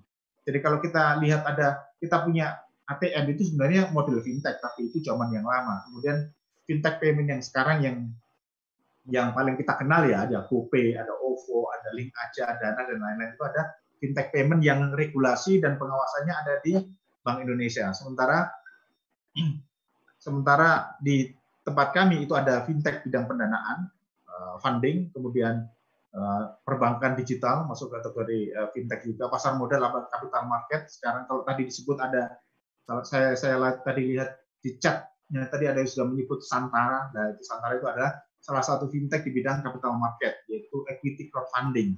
Di Indonesia baru ada tiga, kemudian ada perasuransian, itu insurtech, dan lain-lain. Nah, saya ingin menjelaskan apa itu fintech dulu. Nah, apa sih sebenarnya bedanya itu dengan bank? Nah, kalau tadi Mas Andreas menjelaskan tentang peran dari iPro, ya itu penjelasan uh, bagaimana bisnisnya. Nah, saya ingin menjelaskan supaya orang tidak ada dianggapnya kok sama fintech dengan bank. Nah, nggak ada perbedaan yang sangat mendasar, yaitu bisa kita lihat di sini. Jadi fintech itu posisinya di tengah. Transaksinya adalah antara pemberi pinjaman dan penerima pinjaman. Fintech peer-to-peer lending atau disebut juga fintech lending, disebut pinjaman daring atau dikenal dengan pinjol, pinjaman online. Nah, ini yang melakukan transaksi pinjam meminjam pemberi pinjaman dan penerima pinjaman. Sementara fintechnya itu yang ada di tengah itu cuma sebagai platform memfasilitasi saja, memfasilitasi transaksi uh, pinjaman ini. Jadi uh, kalau kita pergi ke bank utang di bank maka transaksi utang kita saya berutang ke bank transaksinya saya tanda tangan dengan bank. Siapa yang beri pinjaman bank? Tapi kalau di fintech enggak. Yang berpinjaman adalah bukan perusahaan fintech itu sendiri. Siapa itu? Siapa saja boleh Bapak Ibu kalau punya duit bisa. Jadi justru dengan model eh, apa crowdfunding, peer to peer itu adalah model fintech crowdfunding. Jadi mengikutkan banyak pihak yang ikut membantu. Jadi artinya kan kalau kita lihat Bapak Ibu mungkin kenal dengan social crowdfunding namanya kita bisa. Kita bisa itu kan ada orang uh, uh, lagi sakit gitu kan, butuh 100 juta, orangnya nggak mampu, cari dana ke mana-mana nggak mampu. Sementara ada banyak orang pengen membantu. Nah, kemudian dikumpullah duit. Ada yang bantu 500 ribu, 100 ribu, ada yang satu juta, akhirnya terkumpul lah 100 juta. Nah, itu itu social crowdfunding. Nah, fintech itu sama.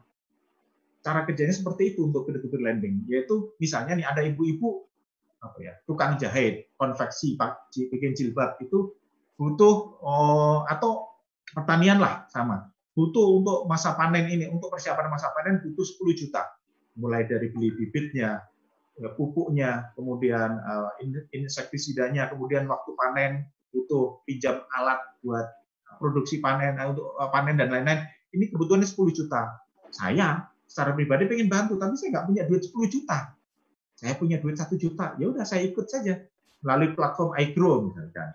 Terus ada orang lain punya duit 2 juta, ikut juga melalui platform iGrow berarti kan terkumpul 3 juta. Nah nanti ada orang lain sehingga terkumpul 10 juta. Nah salurkanlah kepada petani itu. Jadi yang transaksi langsungnya si petani itu utang ke saya, bukan utang ke fintechnya. Si petani utang ke orang B dan lain-lain. Jadi bedanya itulah uh, fintech dengan uh, perbankan. Nah, sasarannya adalah pinjamannya adalah orang-orang yang boleh menjadi peminjam adalah orang-orang yang berdomisili dan berasal di Indonesia. Nggak boleh orang asing dan pinjam di fintech di Indonesia nggak boleh. Yang kedua adalah kita menyasar kepada yang unbankable. Siapa itu? Adalah mereka yang tidak memenuhi persyaratan bank. Jadi saudara-saudara kita di kampung, kemudian eh, di pedesaan-pedesaan, itu kan yang industri kecil, petani itu kalau di, datang ke bank kemudian ditanya mana apa eh, Bapak Ibu punya laporan keuangan enggak? Yang enggak punya. Pengeluarannya berapa setiap bulan dan segala dirinci ya mereka nggak bakalan punya itu. Nah akhirnya mereka tidak memenuhi syarat untuk kemudian diberikan kredit oleh bank. Bapak Ibu punya agunan nggak? Punya juga. Nah, nggak memenuhi syarat. Ya kan? Nah, kalau orang-orang seperti itu kan akhirnya ya udah nggak mendapatkan pendanaan. Yang kedua adalah yang ditarget adalah underserved. Underserved ini apa? Mereka itu punya memenuhi persyaratan bank tetapi tidak tidak bisa di tidak bisa difasilitasi. Contohnya begini. Jadi misalnya ada contohnya adalah perbankan itu kan misalkan kalau saya datang ke bank, oh Pak, saya datang ke bank sekarang, saya butuh duit Pak berapa? E, eh, 50 juta. Kapan Pak? Bisa nggak sore ini? Nah, perbankan bisa nggak kayak gitu? Saya nggak yakin bisa. Butuh waktu untuk menganalisis. Bisa besok, besok juga belum nggak yakin, bisa seminggu, dua minggu. Nah, sementara saya butuh sore ini. Nah, itu yang tidak bisa dilayani oleh bank, gitu kan? Underserved. Saya butuh berapa? Satu juta. Bank bisa nggak menjadi satu juta? Bank konvensional nggak bakalan bisa. Karena ya kok cuma satu juta dan prosesnya sekarang ya nggak bisa. Sementara kebutuhannya sekarang. Nah, itu underspend itulah yang yang di yang di uh, sasar oleh fintech gitu kan. Jadi sasaran kita adalah orang-orang yang seperti itu ditambah lagi ciri dari proses di fintech adalah kecepatan. Syaratnya mudah. Jadi syaratnya itu mudah, bahkan transaksinya tidak perlu ketemu. Kalau Bapak pinjam, Bapak Ibu pinjam ke bank, kredit 10 juta, 20 juta, Bapak harus datang ke bank tanda tangan di atas kertas, materai dan lain-lain. Kemudian minta persyaratan ini itu. Nah, di fintech enggak. Nah, apa kemudian bank salah? Enggak, karena memang itulah SOP bank. Bank itu menjalankan bisnisnya berdasarkan prudensial. Memang kehati-hatian. Kenapa kehati-hatian? Karena dia menggunakan dana masyarakat. Duit di bank yang sekarang dipinjamkan ke orang-orang itu adalah bukan duit dia sebenarnya. Itu adalah dana masyarakat. Nah, itu makanya harus hati-hati. Sementara di fintech, dengan kecanggihan teknologi sekarang ini, transaksinya kalau mau utang itu tidak perlu harus datang. Tidak perlu harus uh, secara fisik hadir, nggak cukup menggunakan handphone, cukup menggunakan uh, laptop, bisa. Atau nggak perlu laptop, handphone saja sudah bisa. Jadi di tangan kita transaksi bisa. Sudah kita bisa tanda tangan menggunakan digital signature. Nah inilah fintech. Ini tentu saja akan membutuhkan persyaratan. Kalau fintech kelemahannya adalah membutuhkan persyaratan infrastruktur, yaitu apa? Ya harus ada jaringan telekomunikasi, harus ada internet di kampung atau di desa itu. Kalau nggak bisa ya agak berat gitu. Bisa sih nanti ada fintech-fintech itu yang menjangkaunya itu um, tidak menggunakan aplikasi. Ada juga. Ada yang modelnya adalah nanti untuk grup uh, dalam satu kampung misalkan 10 eh 15 20 orang bikin grup nanti ada agennya nah itu kemudian melakukan transaksi di fintech. Jadi itu bisa juga. Nah, OJK mengatur ini ada namanya dalam POJK 77 2016 bagaimana OJK mengatur badan hukum, kepemilikan, bagaimana mendaftarnya, bagaimana edukasi perlindungan konsumen nomor 6 itu apa saja larangannya dan lain-lain. Ini jadi OJK mengatur dan me, men, mengawasi industri fintech peer-to-peer lending. Jadi iGrow itu termasuk adalah uh, perusahaan yang diawasi oleh OJK. Nah ini saya sampaikan saja uh, riset ini dilakukan oleh Indef tahun 2019 ini membuktikan bagaimana kontribusi fintech peer-to-peer lending. Jadi konteks pembicaraan kita kali ini adalah peer-to-peer lending. Dan saya rasa yang paling tepat untuk di daerah adalah sebenarnya kan kebutuhan pendanaan. Jadi lebih tepatnya adalah peer-to-peer lending. Kalau nanti ada model kebutuhan modal untuk saham, saya mendirikan perusahaan, saya butuh orang untuk berkontribusi sebagai investor atau saham. Nah ini bisa aja itu nanti equity crowdfunding. Tapi saya rasa konteks yang kita butuhkan sekarang ini adalah bagaimana mendanai untuk modal-modal seperti modal kerja dari saudara-saudara kita, petani, nelayan, dan lain-lain. Nah ini kontribusinya adalah dalam tiga tahun terakhir ternyata industri peer-to-peer lending, fintech lending ini menyerap tenaga kerja 362 ribu. Kemudian masyarakat miskin turun sebanyak 177 ribu, kemudian memberikan kontribusi kenaikan PDB nasional 60 triliun. Dan gini rasio, gini rasio ini adalah tingkat tingkat kemiskinan ini turun 0,01. Jadi artinya Indonesia sudah turun lah. Semakin kecil generasi itu mendekati nol berarti semakin bagus. Nah sebelah kanan kita bisa lihat bahwa ternyata nih kontribusi fintech pada masyarakat desa ini eh, yang sangat mendapatkan manfaatnya adalah petani dan pengusaha-usaha penunjang pertanian. Jadi ada kenaikan pendapatan pertanian, bukan penerima upah, dan gaji di desa sebanyak 1,23 persen. Artinya ini ini riset dan ini memang tidak OJK tidak terlibat dalam riset ini. Nah, kita tahu Indef ini adalah lembaga independen yang sudah terbiasa melakukan riset dan untuk peer-to-peer lending kontribusinya uh, signifikan dan kita uh, senang dengan ini semua gitu.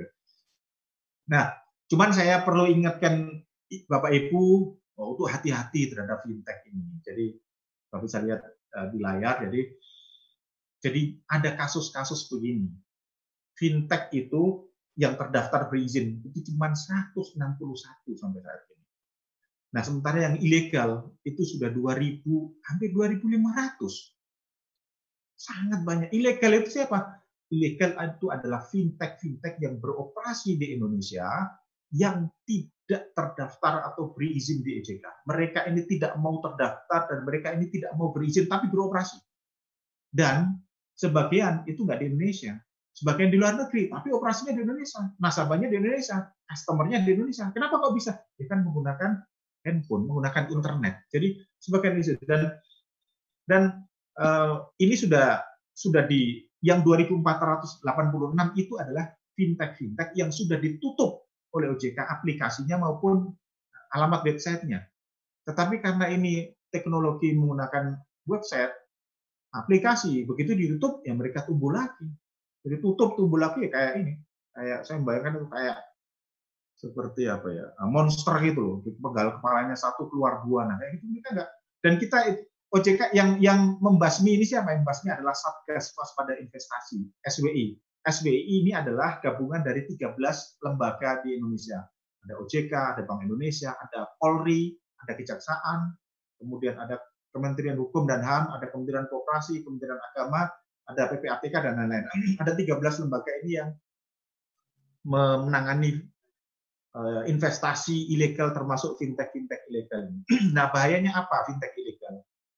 Banyak Bapak Ibu. Jadi mungkin Bapak Ibu pernah mendengar ada orang utang satu juta nggak bisa bayar sesuai dengan yang dijanjikan, tetapi kemudian tetangganya dikasih tahu, dikirimi SMS, dikirimi WA, misalkan saya mau nawar nih, saya utang di fintech ilegal A, saya nggak bisa, cuma satu utang satu juta, nggak bisa bayar seminggu, udah langsung seluruh tetangga saya, seluruh teman-teman sekolah saya, kuliah saya, itu tahu kalau saya utang satu juta.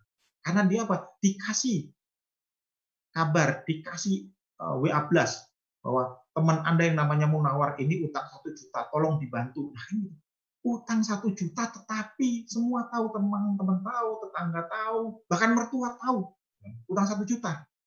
Itu itu kenapa itu terjadi? Itu terjadi karena si perusahaan fintech itu melakukan akses terhadap seluruh kontak yang ada di nomor handphone Bapak. Jadi handphone Bapak itu seluruh kontak itu diambil semua oleh fintech ilegal ini. Kemudian begitu Bapak Ibu one prestasi bayarnya telat langsung dikasih tahu di WA dikirim email blast bahkan kemudian ada itu kasus uh, mereka itu akses ke uh, foto-foto jadi kemudian foto-foto kita disebarin ke orang lain nah ini kan bahaya itu adalah fintech fintech ilegal cara mereka menagih juga dengan cara yang sangat kasar ada yang melalui ancaman dan lain-lain jadi orang-orang diancam kalau anda nggak ini nanti ya sampai katakannya kasar dikirim gambar yang sangat kasar, saya melihat itu semua gitu.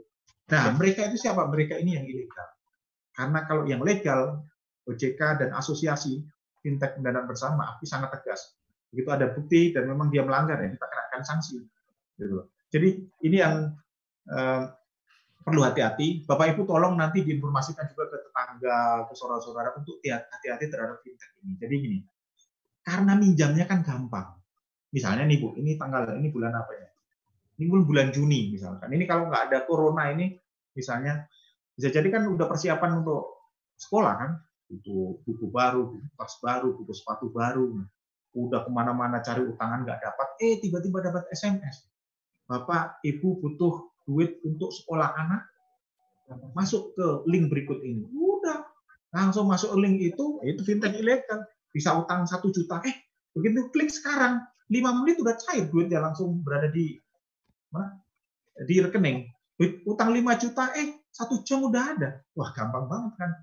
Saya ngutang ke mana-mana, nggak dapat, eh ini dapat tawaran kayak gini, asik banget. Nah akhirnya itu, padahal kemudian bunganya ampun-ampun, bisa utang satu juta, balikinnya harus 5 juta. Kenapa? Ilegal. Kalau yang legal, bunga diatur oleh asosiasi. Sudah diatur. Gitu. Jadi, dan kemudian eh, ada orang karena saking enaknya utang di fintech ini, ada orang sampai 32 fintech dia utang. Bisa bayangkan ibu-ibu kalau satu jutaan sudah 32 juta. Tapi itu itu masih kalah dengan rekor yang pernah saya dengar dari Satgas Waspada Investasi. Ada orang yang utang satu orang itu ke utang ke 142 fintech. Bisa bayangkan, saking gampangnya utang, utang, utang, utang, gali lubang tutup lubang, utang satu juta di fintech. Mohon izin Pak Munawar, ya. uh, kalau boleh minta tolong uh, statement singkatnya karena waktu udah hampir mau jam okay, 12 ya. kita ada sisa sesi tanya jawab sudah okay. dua jam Baik. acara kita. Jadi Bapak Ibu inilah kalau akses data pribadi ini yang di hati-hati kalau di fintech legal yang boleh diakses cuma kamera, mikrofon, location. Tetapi kalau di fintech ilegal Bapak Ibu bisa diakses sebelah kiri lihat itu kontak berarti kalau Bapak Ibu kontaknya diakses seluruh kontak Bapak bisa diakses seluruh foto-foto bisa di copy oleh mereka, diambil oleh fintech ilegal itu. Jadi di OJK pengawasannya sangat ketat. Nah ini model bisnis samalah ini uh, yang dilakukan oleh teman-teman di iPro. Ini ada iTernak juga. Nah ini saya ingin menggambarkan bagaimana perkembangan fintech ini. Penyaluran pinjaman. Ini Bapak Ibu, ini sudah saya sampaikan kemarin. Jadi Bapak Ibu bisa lihat di sini total penyaluran pinjaman saat ini 160 triliun. 166 triliun dan ternyata konsentrasi ada di Jawa. DKI misalkan 32 triliun. Banten 9, 10 triliun. Jawa Barat hampir 29 triliun. Jawa Timur 11 triliun. Papua cuma 115 miliar. Maluku cuma 90 miliar. Aceh 330 miliar alias ini masih sangat timpang. Gitu. Jadi uh, di luar Jawa. kita ingin OJK mendorong fintech-fintech ini untuk mengembangkan daerah luar Jawa. Kita mendorong untuk ke sana. Jadi kita buat aturan, uh, ini karena corona saja, kalau nggak corona ini sudah bisa dieksekusi, karena kita minta supaya penyaluran ke luar Jawa lebih besar lagi. Bisa sampai 40 persen lah. Nah inilah kita mendorong supaya nanti justru ketika kami mendapatkan uh, undangan dari Kementerian uh, dan uh, daerah tertinggal ini, kita kita sangat senang karena memang sesuai dengan misi kami ingin kita hadir di uh, luar Jawa. Ini juga akumulasi rekening borrower orang-orang yang pinjam sudah 24 juta orang yang pinjam. Ini transaksinya 125 juta transaksi. Alias kalau yang ini 24 juta tapi transaksinya 125 juta artinya apa? Orang yang pinjam tadi melakukan transaksi sampai eh, lima kali rata-rata. Saya utang, kemudian saya utang lagi, saya balikin, saya utang lagi, saya balikin, saya utang lagi. Nah ini, ini Bapak Ibu jadi perkembangan ini kita eh, sangat support eh, Kementerian Desa jadi Bapak Ibu yang ada di di daerah-daerah yang butuhkan fintech. Model-modelnya macam-macam. Ada yang buat pertanian, ada buat peternakan, ada yang buat toko kelontong dan lain-lain. Nah, silakan nanti bisa dihubungin oleh teman-teman dan mohon nanti bisa lihat kalau memilih fintech itu adalah fintech-fintech yang berizin atau terdaftar di OJK dan itu jumlahnya adalah ada 161. Nanti akan saya share di, di chat ya. Jadi silakan Bapak Ibu nanti. Terima kasih Pak Munawar ya. Oke, makasih ya. Tunggu filenya Pak. Oke, makasih. Saya akhiri. Assalamualaikum warahmatullahi wabarakatuh. Waalaikumsalam warahmatullahi wabarakatuh Pak Munawar. Uh, terima kasih tadi sudah cukup banyak uh, hal yang disampaikan oleh Pak Munawar yang bisa saya highlight di sini perbedaan antara bank dan fintech adalah kalau bank itu memang prudent penuh dengan kehati-hatian. Nah, sementara fintech yang disampaikan Pak Munawar tadi syaratnya mudah, kecepatan dan tidak harus bertatap muka. Nah, ini yang membuat fintech kita ini kita fasilitasi untuk bisa dengan cepat membantu petani-petani kita dan pemilik lahan dan juga ternyata kontribusi fintech ini cukup signifikan di Indonesia. Uh, tapi kita juga pesan dari Pak Munawar, kita harus tetap berhati-hati terhadap fintech yang ada di Indonesia. Kita harus betul-betul jeli memilih dan melihat bahwa hanya terdaftar 161 fintech di Indonesia. Dan salah satunya adalah uh, dari iGrow. Mungkin karena waktu sudah pukul 11.50, Eh, kita juga penting ini untuk bertanya jawab. Ini yang paling mungkin ditunggu dan diharapkan dari para peserta kita. Silahkan yang mau bertanya, kami buka kesempatan untuk raise your hand.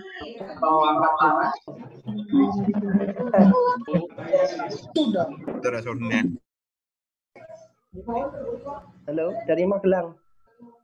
Dari Magelang. Dari BUMDes. Bisa bisa dari tanya. mana Pak? Silahkan. Uh, saya dari Bumdes Kecamatan Ngablak. Ya, silahkan. Saya dari Bumdes Kecamatan Ngablak, Kabupaten Magelang. Uh, kebetulan Bumdes kami itu tuh Bumdes bersama, jadi Bumdes kawasan kayak gitu.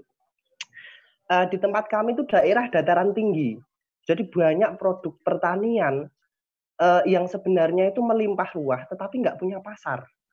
Itu pertanyaannya. Makanya dari sini itu saya pengen tanya dari iGrow itu komoditas yang sudah punya pasar apa saja? Karena nanti bisa bekerja sama antara BUMDes dengan iGrow plus pembiayaannya. Jadi saya minta iGrow membuka komoditas yang sudah punya pasar. Itu saja. Oke. Okay. Terima kasih. Uh, mungkin pertanyaan dari Ibu tadi mungkin cukup banyak me mewakili pertanyaan yang saya lihat, saya pantau di grup chat yaitu rata-rata seperti apa komoditas yang siap paling siap dibiayai ya. oleh iGrow. Hmm dan, yang pasar, pasar yang paling yang paling dibutuhkan oleh pasar sekarang ini apa? Sehingga eh, teman-teman uh, di desa dan kabupaten ini betul-betul uh, terutama yang produsen buah ini. Buah ini sehingga mereka betul-betul bisa maksimal dan menyiapkan proposal dan untuk diajukan dan kerjasamakan dengan iGrow. Mungkin Pak Iqbal atau Andreas bisa langsung respon Pak. Silakan Iya, mungkin dari saya dulu nanti Pak Iqbal bisa menambahkan.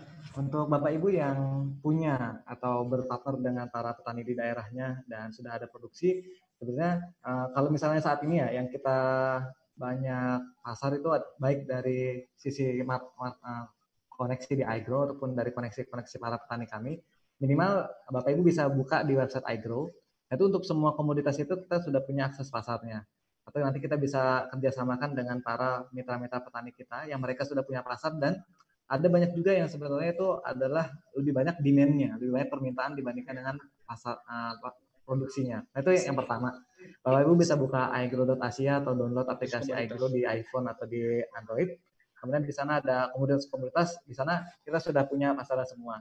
Ada beberapa komoditas yang saat ini lagi dipersiapkan dan kita sudah mengamankan pasarnya. Contoh misalnya seperti cabai rawit eh, merah, cabai merah keriting, bawang merah, kentang, tomat, kol, sayur-sayuran yang kebutuhan sehari-hari itu juga ada permintaan juga dari Singapura. Kemudian jadi negara-negara tetangga di era Covid ini ternyata banyak membutuhkan pasokan bahan pangan.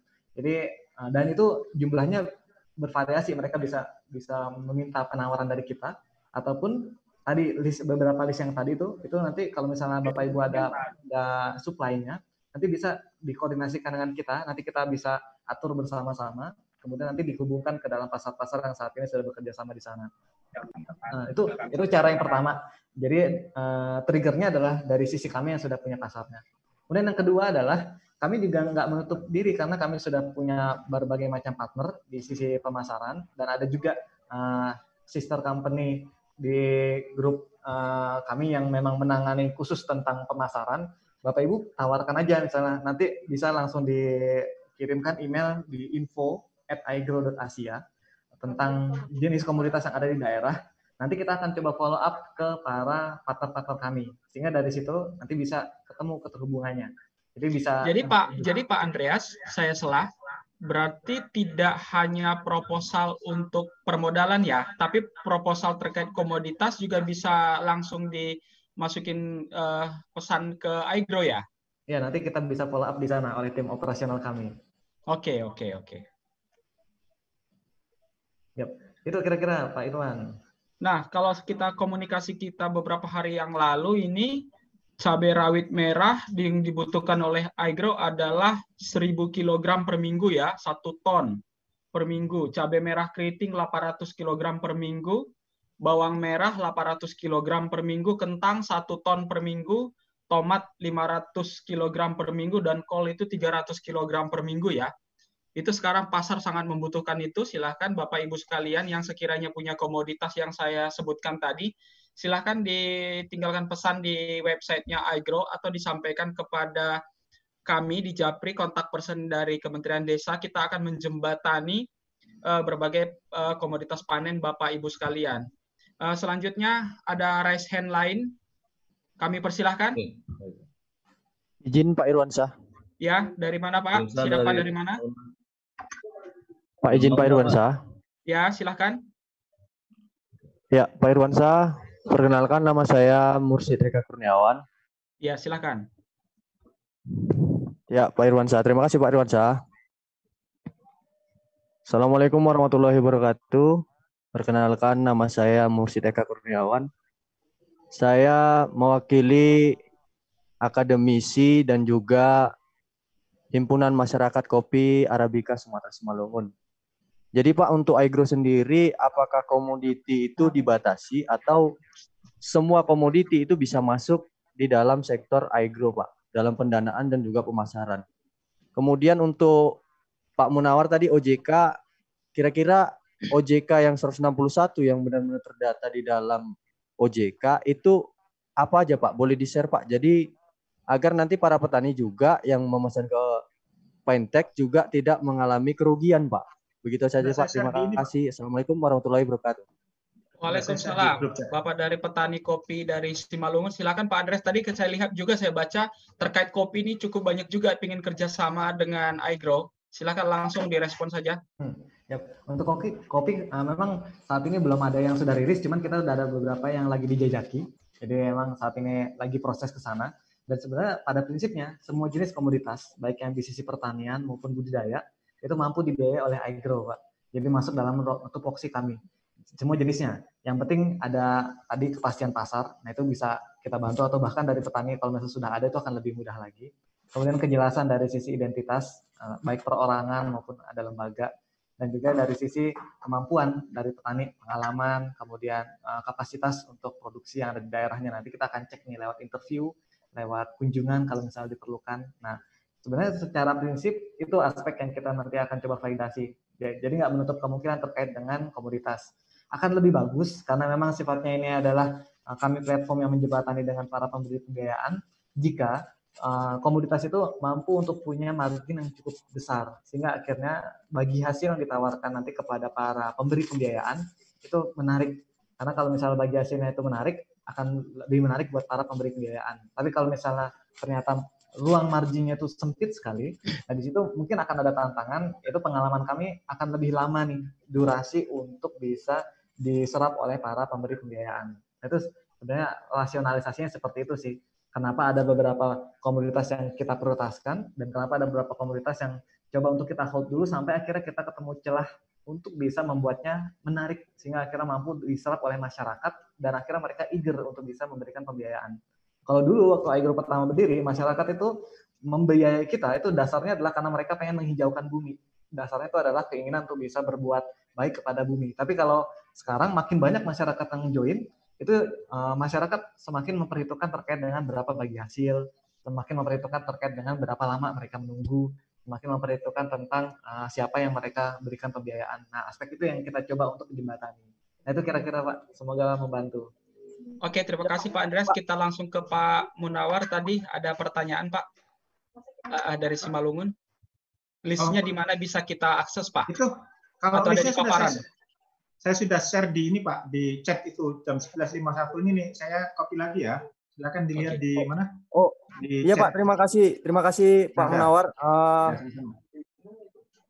Oke, mungkin untuk teman-teman semua, Bapak Ibu peserta, terkait akses 161 fintech yang sudah terdaftar itu Pak Menawar dari OJK sudah nge-share di room chat. Uh, silahkan diakses Bapak Ibu sekalian ya untuk tidak melakukan uh, pertanyaan yang sama. Mungkin dari Ibu Yuli dari Kementerian Pertanian ada yang perlu disampaikan Ibu, ada yang perlu dipertanyakan atau ada yang perlu didukung masyarakat petani kita dan dari Pemda Ibu silahkan. Uh, terima kasih Pak uh, Irwansyah atas ya, kesempatannya dan juga salam kenal ini. Saya baru pertama kali ini. Terima kasih undangannya Pak Direktur Ekonomi Lokal Kementerian Desa. Salam kenal semua untuk semuanya. Di mana pada saat ini kita juga masih Idul Fitri, jadi saya mohon maaf lahir batin. Uh, di sini juga salam kenal Pak Muamin Iqbal, narasumber, dan di sini juga ada Pak Andreas, Uh, di sini juga ada dari OJK dan teman-teman kementerian lainnya. Uh, ini adalah merupakan salah satu uh, sistem pembiayaan yang memang tolong nanti uh, dari Pak Andreas ya, ini sangat diperlukan oleh petani kami. Karena terus terang saja kami saat ini mempunyai hampir 2.000 lebih, 20.000 lebih petani yang memang belum bisa mengakses pembiayaan. Dan saat ini saya juga punya 600 eh, 6.380 UMKM uh, di mana uh, kami salurkan melalui uh, KUR. Kami ada mempunyai dua uh, pembiayaan yaitu KUR dan asuransi uh, pertanian. Tidak bisa kelihatan. Uh, di mana pada saat ini kami dibebani untuk Kementerian Pertanian itu sekitar 50 triliun Kok aku dan belum uh, terserap, banyak yang belum terserap. Nah, dengan adanya uh, fintech ini uh, itu merupakan salah satu solusi bagi kami uh, kepada petani-petani yang memang memerlukan permodalan cepat, mudah. Nah, tetapi di sini saya ingin bertanya dengan uh, mengenai bunganya. Kalau kur itu kan memang uh, bunganya cukup rendah ya, hanya 6% saat ini. Nah, bagaimana dengan fintech? Karena ketakutan kami nanti uh, fintech ini bunganya cukup tinggi dan apa bedanya dengan yang selama ini terjadi di masyarakat petani kita yang notabene memerlukan pembiayaan lebih cepat dan mudah, tetapi kenyataannya adalah rentenir. Sehingga di sini akhirnya menjerat juga oleh petani kita.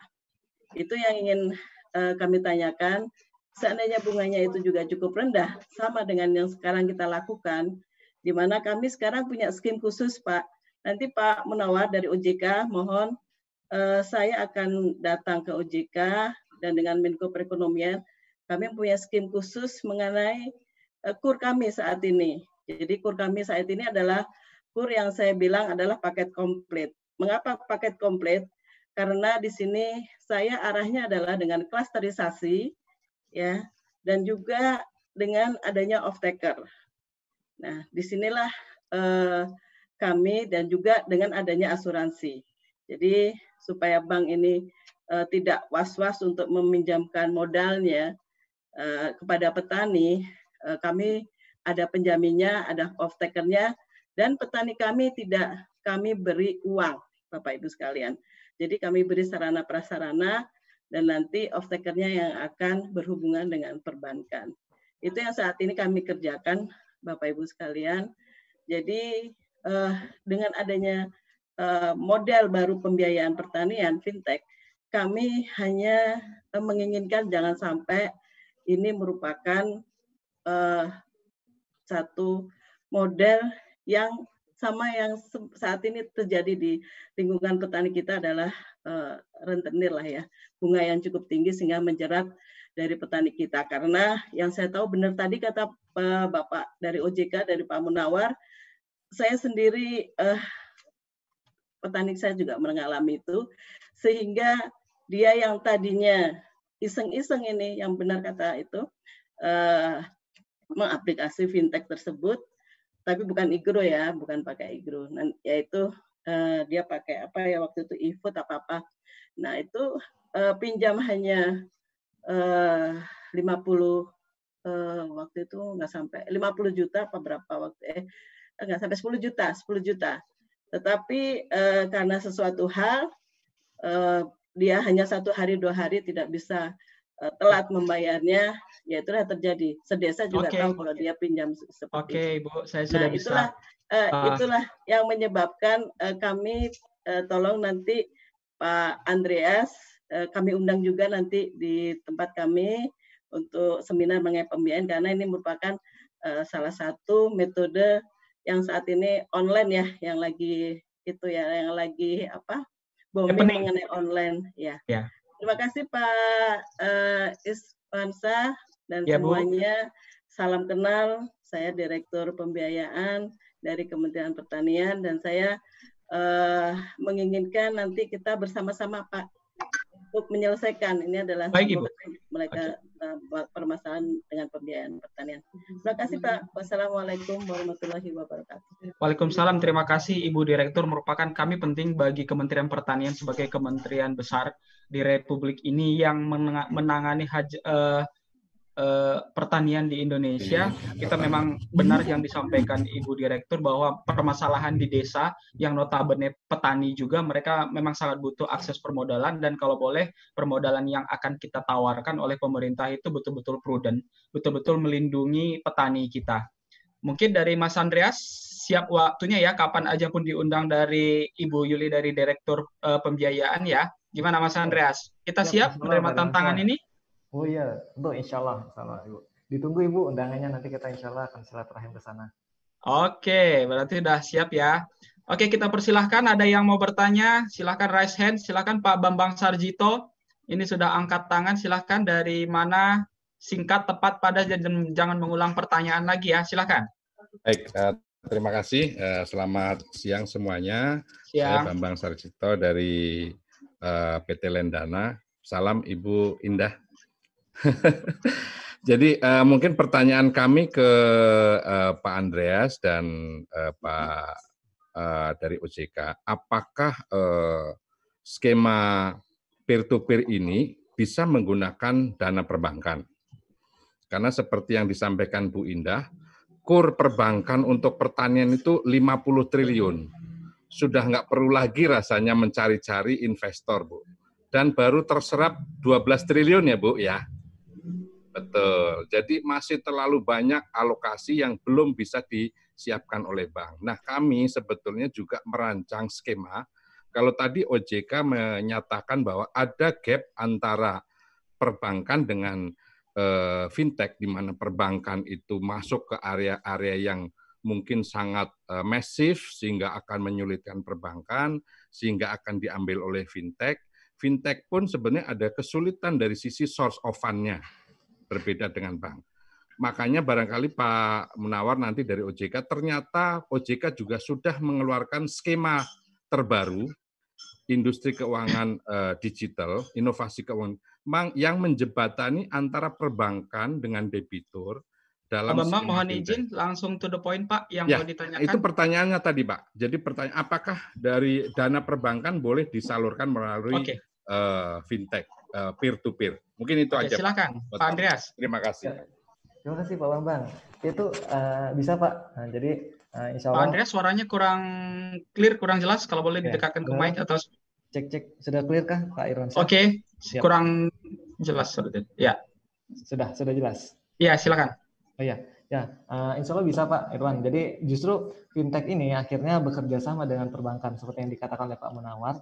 Bukannya akhirnya saling bersaing dan menjatuhkan, akhirnya ini jadi sebuah kolaborasi. Nah, kami sendiri saat ini uh, buat informasi kepada Bu Yuli juga bermitra dengan beberapa bank untuk menyalurkan kur. Jadi kur ini nanti akhir uh, karena hmm. beberapa bank itu punya keterbatasan dalam kemampuan untuk melakukan due diligence, kemampuan untuk masuk ke lapangan, memonitor pembiayaan, melihat mana petani yang memang mampu dan memang uh, bisa dipercaya untuk bisa diberikan pembiayaan, mengawasi penanamannya, bahkan memastikan dari sisi aspek pasarnya. Dan justru kami menjadi mitra strategis buat para bank yang punya uh, amanah program kur dari pemerintah. Tapi berarti berarti dari Agro juga bisa menyalurkan kur ya? Ya, pertanyaannya mungkin sama Pak. Uh, tadi bunga yang ditetapkan jadi berapa? Karena KUR kan dibatasi 6 persen.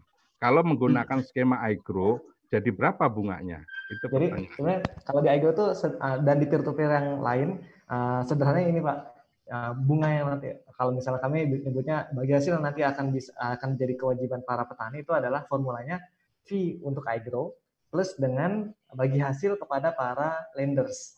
Kalau lendersnya itu kur atau perbankan, berarti sejumlah dengan uh, biaya atau bunga dari kur itu ditambah dengan VI grow. Kalau VI grow itu mulai dari dua setengah persen ketika jangka pendek. Kalau misalnya jangka panjang itu maksimal paling maksimal itu adalah lima persen. Dan kita nggak ada. Kalau gitu lebih tinggi dari kalau gitu lebih tinggi dari mohon maaf ya kalau gitu lebih tinggi hmm. dari kur dong. Iya, bisa dua belas setengah persen. Kalau gitu apa bedanya boleh, dengan Bu. nanti karena, karena boleh Bu, itu ketentuan Kemenku nggak boleh. Nggak boleh. boleh. Karena kalau kur kur memang enam persen, nggak bisa nggak boleh. Kemudian Jadi, resiko Mas, uh, Mas iya. Andreas, oh, resiko tadi, atas Bu, kegagalan siapa yang akan, tanggung? Oh ya, tadi saya lanjutkan dulu. Kalau misalnya yang tadi kur itu yang yang nanti akan membayar fee-nya itu adalah bank Ibu, bukannya kurnya, bukannya petaninya. Jadi petani tetap membayar kur sesuai dengan bunganya, nanti bank akan memberikan fee kepada kita. Nah itu itu tadi yang skema yang saya jelaskan itu adalah resikonya mas, mau sorry, resikonya bank pasti akan bayar kalau resikonya diabsorb. Kalau resiko yeah. bank juga yang tanggung ya mohon yeah. maaf, banknya juga nggak mau kasih fee. Uh, mohon izin Bapak Ibu sekalian, kalau untuk terkait kur jangan diperdalam sekarang, kita fokus di pembiayaan terkait fintech okay. ya. Mohon maaf okay, karena waktu kita juga terbatas. Terima kasih, terima uh, kasih. Mohon maaf, mungkin nanti kita buatkan skema khusus di sesi berikutnya mungkin beberapa hari ke depan. Oke, okay, ini Mas yang Andreas. Yang asuransi itu memang jadi kewajiban kami, Pak. Jadi setiap okay. Setiap uh, fintech yang memang terdaftar di OJK dan rezim itu memang harus terkoneksi dengan dengan mekanisme penjaminan kredit. Jadi memang uh, itu akhirnya akan jadi satu paket yang nanti akan dipilih oleh lenders untuk untuk bisa mendapatkan jaminan dari penjaminan kredit. Oke, kemudian ini ada beberapa pertanyaan dari masyarakat, eh, dari peserta. Saya resum ya. Ada dari Pak Hari dari Bandung, komponen apa saja yang dibiayai oleh iGrow. Kemudian dari Bapeda Polewali Mandar dari Sulawesi, ada nggak sukses story dari iGrow? Oh ya, dari kabarnya dari iGrow akan uh, sedang membawa uh, petani sukses dari Subang yang sudah dibiayai kalau memang ada nanti silahkan beliau akan menyampaikan statementnya seperti apa ini kerjasama dengan iGrow, apa untungnya, apa kelebihannya, dan pada saat panen benar nggak iGrow ini menjualkan panen mereka. Mungkin nanti kita persiapkan. Kemudian dari Dinas Ketahanan Pangan Perikanan Kabupaten Sigi, bagaimana pengelolaan pembiayaan, syarat perjanjian, apa keuntungan dari para petani. Ya, silakan Pak Andreas. Tadi yang dijawab berarti yang bagian uh, mana dulu, Mas Irwansyah?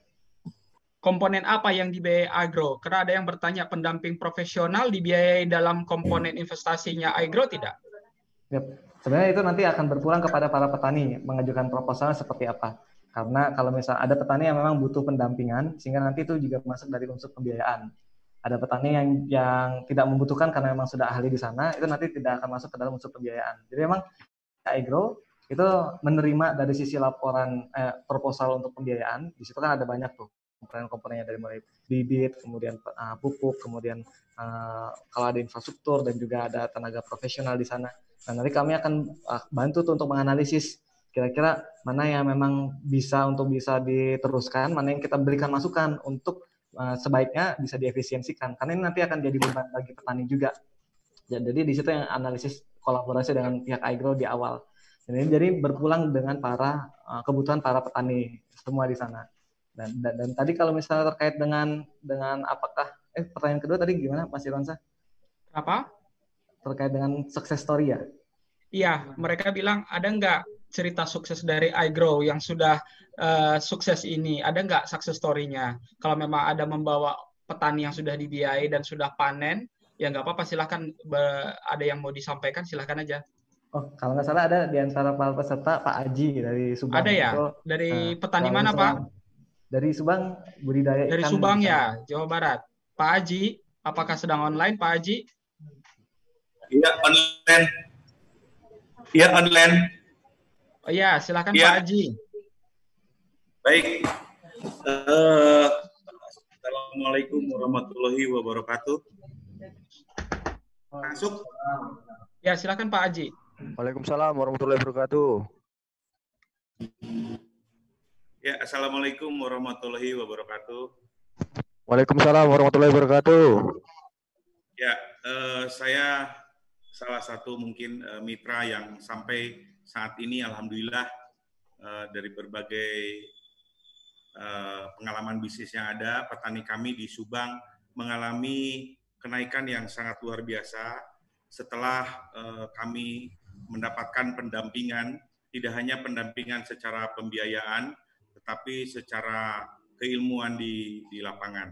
Problem kami dari sudah mengakar dari beberapa tahun itu ada yang pertama dari petani itu adalah eh, tidak adanya kepastian harga, tidak adanya apa namanya penyerapan hasil panen, kemudian juga tidak adanya kepastian harga pasar.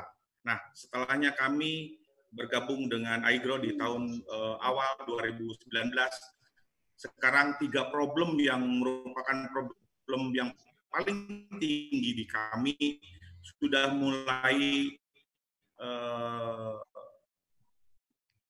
apa terobati. Sekarang petani kami yang menjadi yang awalnya hanya 76 petani sekarang sudah mau menjadi 300 petani. Eh, yang semuanya sekarang itu dari mulai bibit, kemudian harga, kemudian juga hasil panen itu waktunya sekarang sudah terkoordinasi dengan baik. Pemasarannya pun yang tadinya kita memiliki hanya 15 pemasaran, sekarang sudah 75 orang yang meminta produk kami, produk ikan, eh, ikan mas kami, ikan mas Subang. Jadi eh, alhamdulillah sekali lagi saya terima kasih banyak kepada iGrow dan apa dan semuanya tim yang ada di iGrow bahwa petani kami, masyarakat kami sudah mengalami walaupun sekarang lagi lagi lagi Covid-19 tapi alhamdulillah ha, eh, di perikanan di kami tidak tidak punya dampak yang signifikan. Pemasaran kami cukup luas sekarang, tadinya hanya lokal Jawa Barat, sekarang sudah mencapai ke Semarang, Solo, Lampung, kemudian juga yang apa namanya, alhamdulillah ikan nila pun sudah mau ekspor ke Jepang, permintaannya sudah di present juga. Nah ini sebuah perkembangan yang luar biasa dalam dua tahun ini tadinya kami sekali lagi cuma pemasaran lokal kabupaten di di Jawa Barat sekarang sudah mau mau ekspor ke ke Jepang. Nah ini Oke Pak Haji, uh, apa saya mau tanya ya. uh, kontrak dengan iGrow itu berapa tahun kemarin? Dua, dua tahun. Oh dua, dua tahun. tahun. Ini udah bulan ke berapa? Sudah mau bulan ke 18 mulai ke 18 berarti masih ada enam bulan lagi. Jika sudah habis kontrak ini, jika sudah habis kontrak dua tahun dengan iGrow, apa selanjutnya?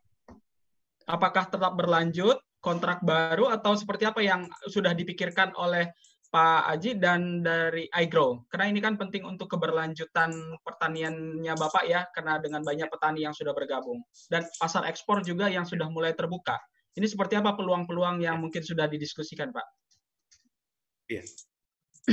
Iya, yang tadinya eh, kami cuma menyerap beberapa petani. Jadi sekarang itu Pusaka Mas Indonesia di bawah naungan iGrow itu sudah pun jadi kita seluruh hasil panen kita sudah meliputi empat kecamatan eh, hasil panen petani yang ada di empat kecamatan itu kita sudah bisa tampung sudah kita tampung dan kita sudah mulai pasarkan. Nah, mudah-mudahan iGrow pun juga tidak sebatas hanya dua tahun, karena mungkin untuk meningkatkan perekonomian masyarakat tidak butuh waktu dua tahun nih, gitu kan? Pasti butuh tahapan-tahapan uh, tahapan -tahapan berikutnya, karena masyarakat di kami itu kan bukan hanya 200 orang nih gitu loh, tapi mungkin masih ada 200 uh, teman-teman yang lain, 200 yang lain, 200 yang lain yang harus kita coba bantu karena betul-betul di kami itu uh, ada petani yang sampai frustasi itu karena apa? Kapan saya bisa dipanen? Berapa harga yang bisa diterima?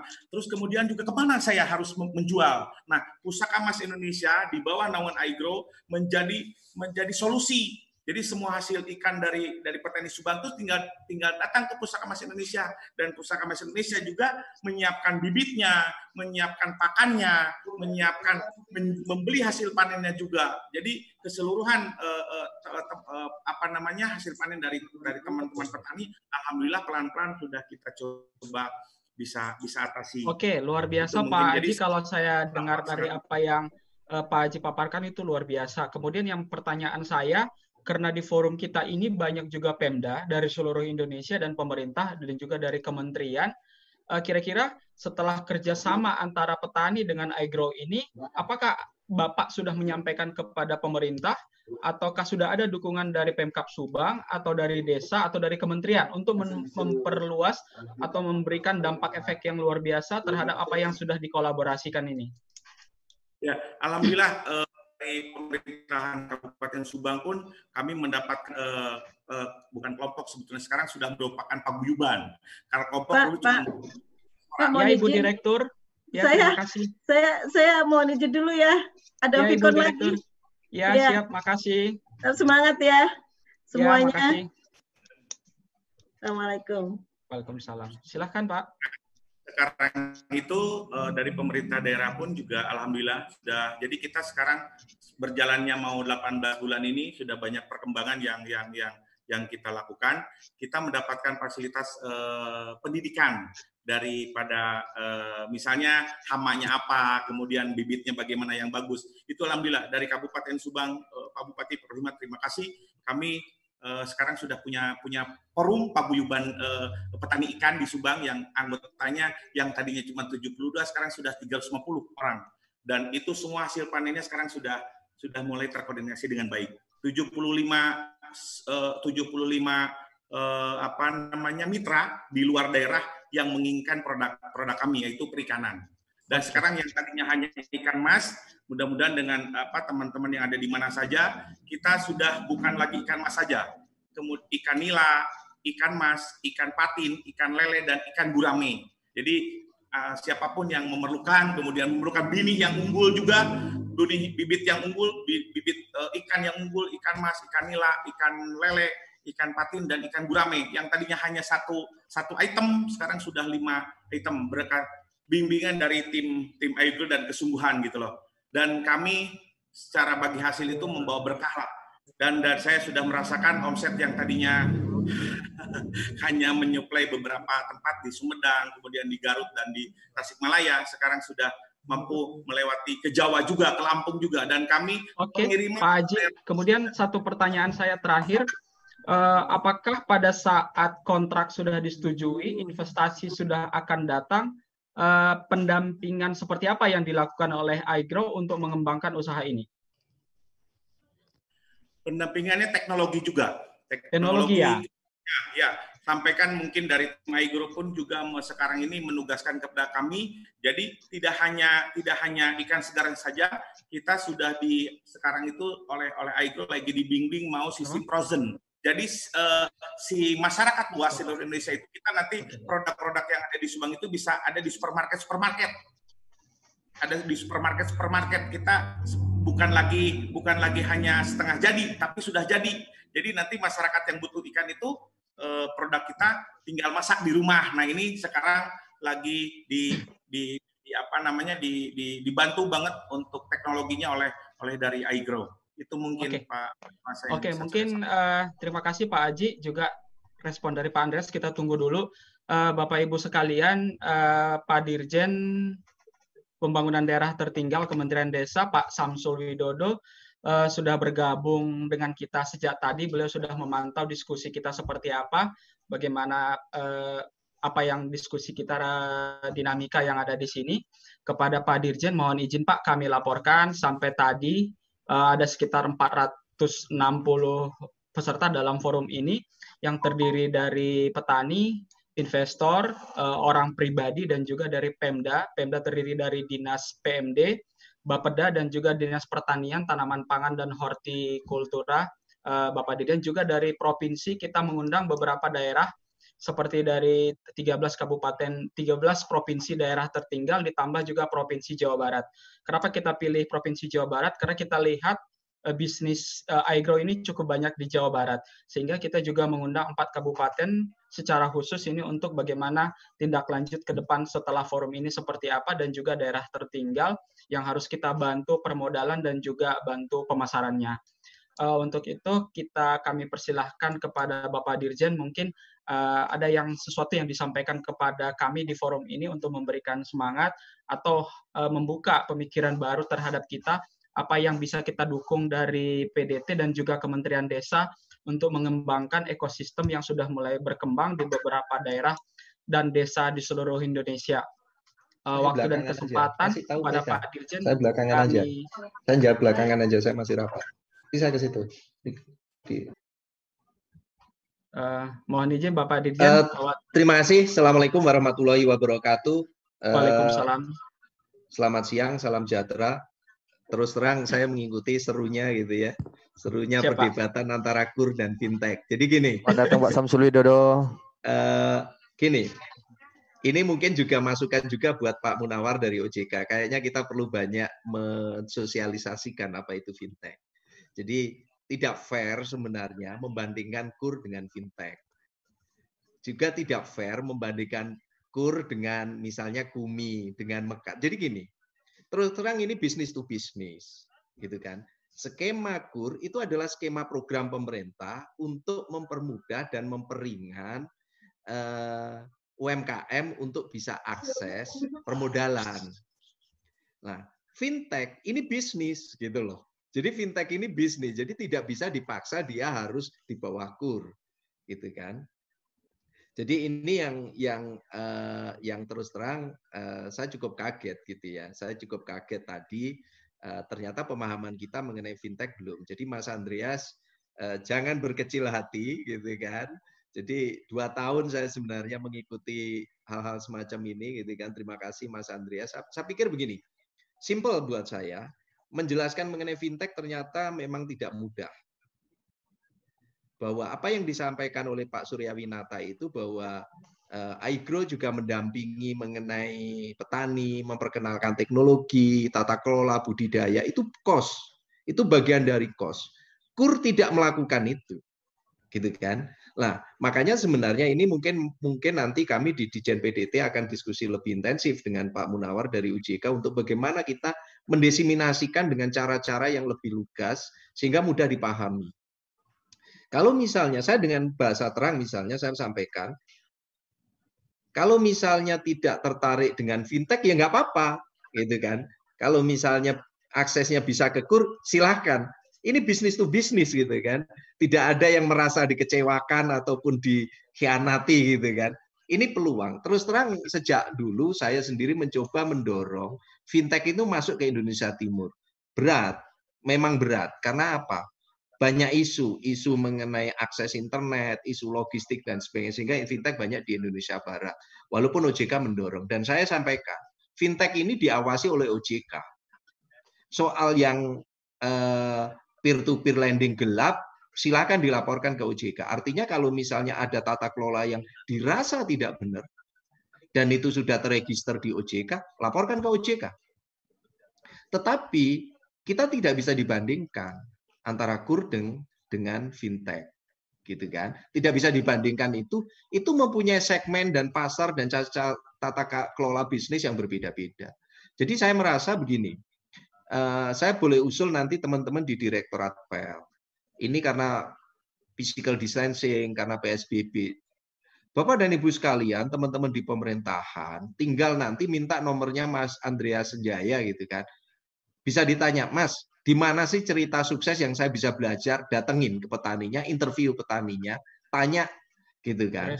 Apakah teman-teman uh, iGrow berlaku sebagai rentenir? Gitu kan. Jadi kalau saya baca di saya baca di chat room itu kan seolah-olah waduh uh, iGrow dibilang rentenir gitu kan. Jadi itu kan kata-kata negatif yang sebenarnya uh, tidak perlu. Jadi tinggal datengin buktikan karena iGrow sendiri juga diawasi oleh OJK jadi saya rasa Bapak dan Ibu sekalian, yang paling penting follow up dari rapat ini adalah saya menarik kesimpulan, mungkin yang tadinya sudah paham semakin paham, yang belum paham sedikit paham, ada yang mereka tidak terbuka terhadap informasi bahwa ada eh, ada eh, model-model bisnis yang berbeda-beda gitu ya, yang ditawarkan oleh eh, banyak pihak untuk bisa menyediakan permodalan. Pada saat kami gandeng para crowdfunding ataupun fintech ini karena kami kesulitan. Tidak semuanya mampu akses kur itu faktanya. Tidak semuanya. Jadi makanya sebenarnya teman-teman di pemerintah daerah kalau misalnya kesulitan akses kur ya kita rame-rame gitu kan. Kita datengin siapa nih? Gitu kan. Kita datengin Kementan. Ayo kita datengin. Saya anterin. Supaya difasilitasi dan didampingi. Sehingga kurnya mudah. Kami sendiri kan juga mendampingi juga.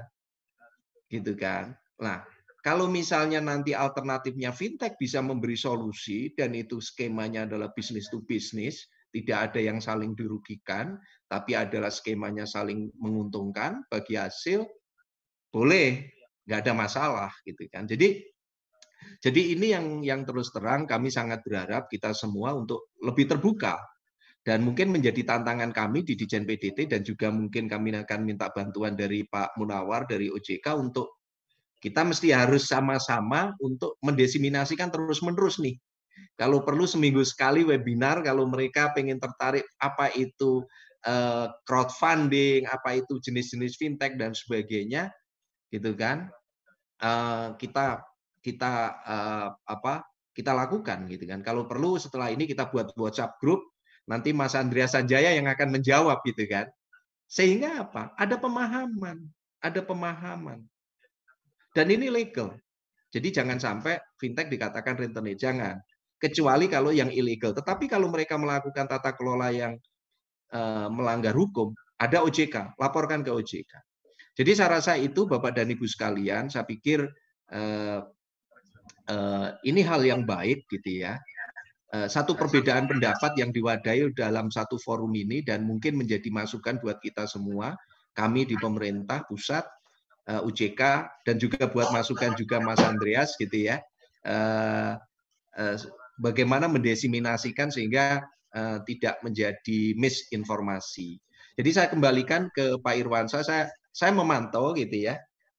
Saya ini tidak terlalu menikmati kalau misalnya karena dirjen harus buka atau apa sudahlah jalan aja gitu kan jadi saya ingin bahwa uh, kita di forum-forum semacam ini uh, kita berpikir terbuka dan supaya ke depan uh, uh, perekonomian di Indonesia itu bisa maju dengan berbagai skema jadi tidak hanya single kur saja ataupun dari uh, perbankan yang lain gitu kan. Jadi saya rasa itu. Jadi saya terima kasih banyak Pak Muhaimin saya nggak kelihatan, Bapak hadir juga, lama nggak ketemu, Pak Andreas Sanjaya dan teman-teman semuanya. Uh, saya mengucapkan terima kasih. Uh, pesertanya cukup banyak sampai 400 gitu kan. Dan selamat. Dan kalau misalnya ada pertanyaan lebih lanjut mengenai apa itu iGrow atau fintech di sini mungkin Mas Andreas kalau boleh mohon izin nomor teleponnya bisa dibagikan gitu ya Karena memang siapa tahu nanti ada yang tertarik mempraktekkan dan pemerintah daerah memfasilitasi, kami terbuka untuk kita bisa mendiskusikan lebih lanjut. Terima kasih. Selamat siang. Wassalamualaikum warahmatullahi wabarakatuh. Dan semoga kita semua selalu sehat. Pandemi COVID-19 segera bisa berakhir. Terima kasih. Saya kembalikan ke Pak Irwansyah sebagai moderator. Terima kasih Pak uh, Samsul. Mohon izin Pak Samsul sebelum uh, meninggalkan acara, uh, tadi Pak Dirjen kita kan punya program 1000 desa ekspor nih Pak. Nah ini dari pembiayaan iGrow dengan Pak Haji ini dari Kabupaten Subang, mereka sudah banyak petaninya dan sudah siap-siap ekspor. Mungkin Pak Dirjen apa yang bisa kita bantu, apa yang bisa kita support atau apa yang perlu kita bekali kepada mereka karena mereka sudah berjalan, kita tinggal mendukung ekosistem ekspornya mungkin Pak. Mohon masukan dari Pak Dirjen. Uh, terima kasih Pak Irwansyah. Gini, uh, pada saat saya me membuat webinar gitu kan mengatakan kita ciptakan seribu desa ekspor. Pertanyaan dari semua orang itu daftar desanya mana gitu kan? Karena memang cara kerja pemerintah kan selalu begitu Pak. Kalau kita bilang seribu desa ekspor, kita bikin kabupatennya mana, desanya mana, baru terus apa yang kita bisa ekspor. Ini tidak, kami balik. Kami berangkat dari off-taker. Jadi kami nanti akan cek Subang itu produknya apa, kami akan cari off-takernya off-taker ini mampu mendampingi atau membantu eh, produk-produk komoditas di Kabupaten Subang ekspor atau tidak. Kalau mereka oke okay, dari sisi kualitas dan kuantitas, kami akan pertemukan. Kalau misalnya mereka tidak oke, okay, apa yang dibutuhkan oleh petani untuk supaya standar ekspornya terpenuhi, kami akan kerja bareng dengan petaninya. Jadi cara kerja kami balik, Pak. Kami ketemu dulu off-takernya. Kami punya untuk yang minyak atsiri, kebutuhannya masih besar, kelapa itu mulai dari kelapa gelondongan sampai kopra putih, coconut, virgin coconut oil, eh, banyak gitu kan dengan komoditas-komoditas yang lain, vanili, organik, buah-buahan organik dan sebagainya. Yang kami lakukan adalah mengumpulkan off-taker dulu, Pak. Kalau kami start dari produksi kelamaan, jadi off-takernya ini kalau siap, kekurangannya apa, dari situ karena petani ini kan mudahnya begini, kalau mereka sekali berhasil, ada contoh berhasil yang lain akan ikut. Tapi kalau kita ceramain apa kelamaan, Pak, nggak sabar mereka. Karena udah lama, udah bertahun-tahun mereka uh, menghadapi uh, situasi yang sulit. Jadi, jadi uh, nanti silakan Pak Irwansyah nomor teleponnya dan sebagainya nanti kita bisa diskusikan agak lebih detail untuk bisa ya, mencari solusi itu. Ya, Jadi siap. supaya ekonomi di pedesaan ini bisa tumbuh dan berjalan dengan baik. Terima kasih Pak Irwansyah. Ya, Uh, terima kasih Pak Dirjen. Mungkin ini masukan juga untuk Mas Andreas dari iGrow dan Pak Iqbal dan juga Pak Aji dari uh, Kabupaten Subang. Kita juga sebetulnya sudah mengundang di forum ini dan sudah hadir sejak tadi dari Pemkap Subang. Mungkin dari Pemkap mungkin akan uh, bisa kita dukung apa yang bisa kita berikan. Mudah-mudahan nanti jika ekspor nanti kita sudah siap sama-sama. Karena sekarang kita juga menggalang dukungan dan semangat dari banyak stakeholder untuk mendukung desa ini bisa ekspor, Pak ini yang kita harapkan tidak hanya kabupaten dan provinsi yang bisa ekspor, tapi desa-desa juga kita tantang untuk bisa ekspor. Karena banyak yang bisa kita berdayakan dari besar harapan kita dari iGrow, dari investasi yang dilakukan bisa ekspor. Karena kita saya lihat saya baca data tadi, ternyata investasi dari iGrow dan orang yang berminat juga investasi di Kabupaten Subang sudah di angka 30 miliar. Mungkin ada mungkin ini merupakan kalau kita lihat ini merupakan sesuatu yang luar biasa Kenapa para investor crowdfunding ini tertarik ke Subang? Mungkin bisa jadi masukan bagi penda-penda yang hadir di sini.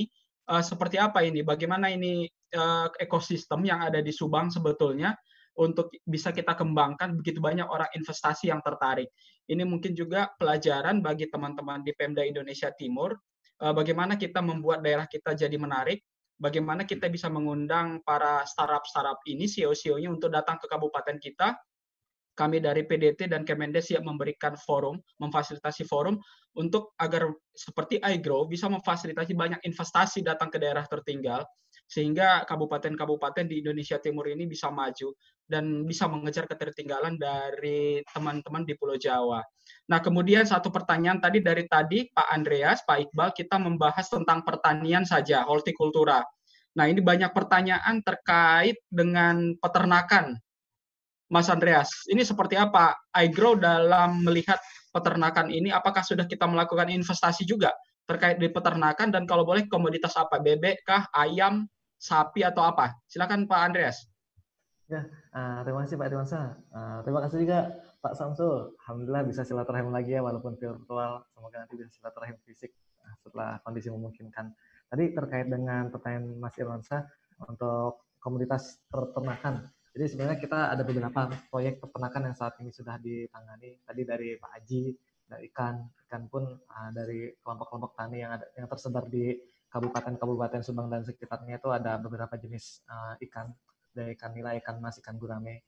Kemudian ada juga uh, ayam, ada ayam dari mulai ayam petelur sampai ayam ke pedaging, ayam broiler. Kemudian ada juga bebek, ada juga ayam kampung di dekat di Jakarta di daerah uh, dekat puncak. Jadi sebenarnya salah satu aspek yang kita siasati ketika kita mau masuk ke dunia peternakan itu adalah untuk bisa melihat dari hulu ke hilir karena kita sudah punya pengalaman yang ini kecil ini nih anak itu bisa jadi salah satu sebab kita pede untuk masuk experience ke dalam dunia peternakan itu peternakan ayam. Nah, salah satunya di NTB itu ada satu siklus full yang kita kita mampu untuk bisa jaringkan dari mulai uh, jagung untuk pakan ternak, kemudian pakan ternaknya itu nanti akan mengolah jadi pakan yang nanti akan disalurkan kepada peternak ayam yang nanti peternak ayam itu bukan hanya menghasilkan uh, daging tapi juga menghasilkan telur yang nanti akhirnya dinikmati oleh konsumen di NTB karena selama ini NTB impor impor telur dari Bali dan Jawa Timur padahal punya lahan jagung yang sangat banyak di NTB. Nah itu salah betul, satu betul, betul.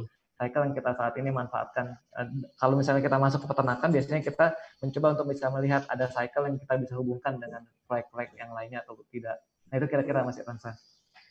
Oke, berarti uh, berarti cukup uh, bisa juga kita membuka untuk investasi di bidang peternakan ya. Yap, yap. Kalau kira-kira proposal seperti apa nih yang harus disiapkan Pemda mungkin dengan fasil memfasilitasi petani atau kelompok tani seperti apa kriteria proposal yang paling gampang ini paling mungkin untuk bisa dibiayai oleh Agro tips and trick? Apa yang bisa di share kepada teman-teman petani di sini dan juga para Pemda? Ini penting nih. Sehingga mereka tidak hanya sekedar proposal tuh tidak ada respon dan segala macam. Atau justru bisa kita share uh, contoh proposal yang paling layak uh, formatnya atau sistematika seperti apa yang dibutuhkan silahkan Andreas kalau misalnya untuk proposal secara garis besar ada dua komponen prinsip yang perlu untuk bisa masuk. Yang pertama itu adalah dari aspek market, dijelaskan nanti rencana marketnya seperti apa. Kemudian yang kedua itu adalah dari sisi resource, baik itu SDM maupun dari sisi uh, lahan yang saat ini sedang digunakan. Nah dari situ diberikan gambaran kondisi existing saat ini. Kemudian nanti ya, diberikan uh, gambaran untuk kondisi ke depan. Uh, kondisi ke depan yang nanti akan dilakukan ketika pembiayaan itu nanti berlangsung seperti apa. Nah, dua aspek prinsipal itu sih sebenarnya yang perlu ada gambaran untuk mengakses dari sisi bisnis. Nah, kemudian yang yang perlu untuk bisa dilengkapi juga itu bisa di dalam proposal ataupun di luar yang itu bisa diinput di sistem iGrow itu adalah dari sisi identitas. Identitas tentunya adalah hal yang paling mendasar, yang prinsipil yang tidak bisa diganggu gugat. Kalau yang tadi aspek pasar dan juga aspek kapasitas nah, itu kan adalah hal yang nanti kita justifikasi dengan judgement uh, tim ahli kita kalau misalnya untuk identitas nanti akan langsung kita cek ke dalam pusdapil, kita akan langsung uh, pakai digital signature untuk bisa memverifikasinya. Uh, Pak Andreas, bisa nggak dikasih uh, dikirim di room, room chat atau kita ke panitia, ke admin, template proposal? Oh ya, kemarin kalau nggak salah sudah dihubungkan ya dengan tim uh, kami untuk bisa dikirimkan beberapa contoh template proposalnya. Nanti mungkin kalau misalnya nggak sempat di chat room, kalau misalnya sudah terlanjur berakhir, ya, dikirim ke kita. nanti bisa dikirim ke ini ke DT atau nanti teman-teman bisa hubungin info at agro.asia. Ya, oke. Okay. Nah, kemudian satu pertanyaan. Uh, kalau kita nih, ibaratnya PNS yang banyak di forum ini ataupun orang yang ingin investasi, minimal investasinya berapa? Itu seperti apa nih gambaran bagi kita uh, eh, PNS di sini? Seandainya kita ingin investasi di pertanian, Pak Andreas, kasih masukan kepada kita. Kalau misalnya karena kita nggak sempat mengolah lahan, kita hmm. juga tidak sempat mencari pasar karena sibuk dengan pekerjaan kita. Apa yang Pak Andreas tawarkan kepada kita untuk melakukan investasi, Pak? Ini penting bagi dalam situasi sekarang. Kita butuh juga di samping hanya menyimpan uang di perbankan, bagaimana kalau kita membantu investasi dengan hal-hal yang produktif seperti ini? Silakan Pak Andreas. Kalau misalnya untuk ya, yang berminat untuk memberikan pembiayaan, uh, saat ini berbeda-beda sebenarnya harga unit per setiap proyeknya. Tapi biasanya paling minimum itu di angka satu juta rupiah. minimum satu juta ya? Nah, minimum satu juta rupiah per satu unit nah, selama ini. Kemudian nanti kalau misalnya mau pilih beberapa unit, membiayai beberapa unit itu bisa juga sebenarnya. Menurut Mas Andreas, untuk dalam situasi sekarang, kalau kita PNS yang berdomisili di Pulau Jawa, investasi apa yang paling tepat kami lakukan? Komoditas apa? Kalau di iGrow sekarang kebetulan baru saja sold out semua kemarin. Insya Allah nanti kita akan launching lagi hari ini atau besok. Uh, biasanya seminggu tuh kita 2 sampai tiga kali launching uh, benih dan semua proyek yang itu yang kita rilis memang sudah melalui seleksi terkait dengan market analisis market di era pandemi ini. Jadi selalu sudah lolos dari aspek itu dan jadi bisa lebih nyaman dan aman lagi untuk dibiayai. Oke. Uh, mungkin ini sudah jam 12.43 ya. Peserta masih di angka 300 dan kita juga uh, tim admin baik dari Kementerian Desa maupun dari Agro sudah mencoba menjawab uh, pertanyaan satu demi satu via grup chat.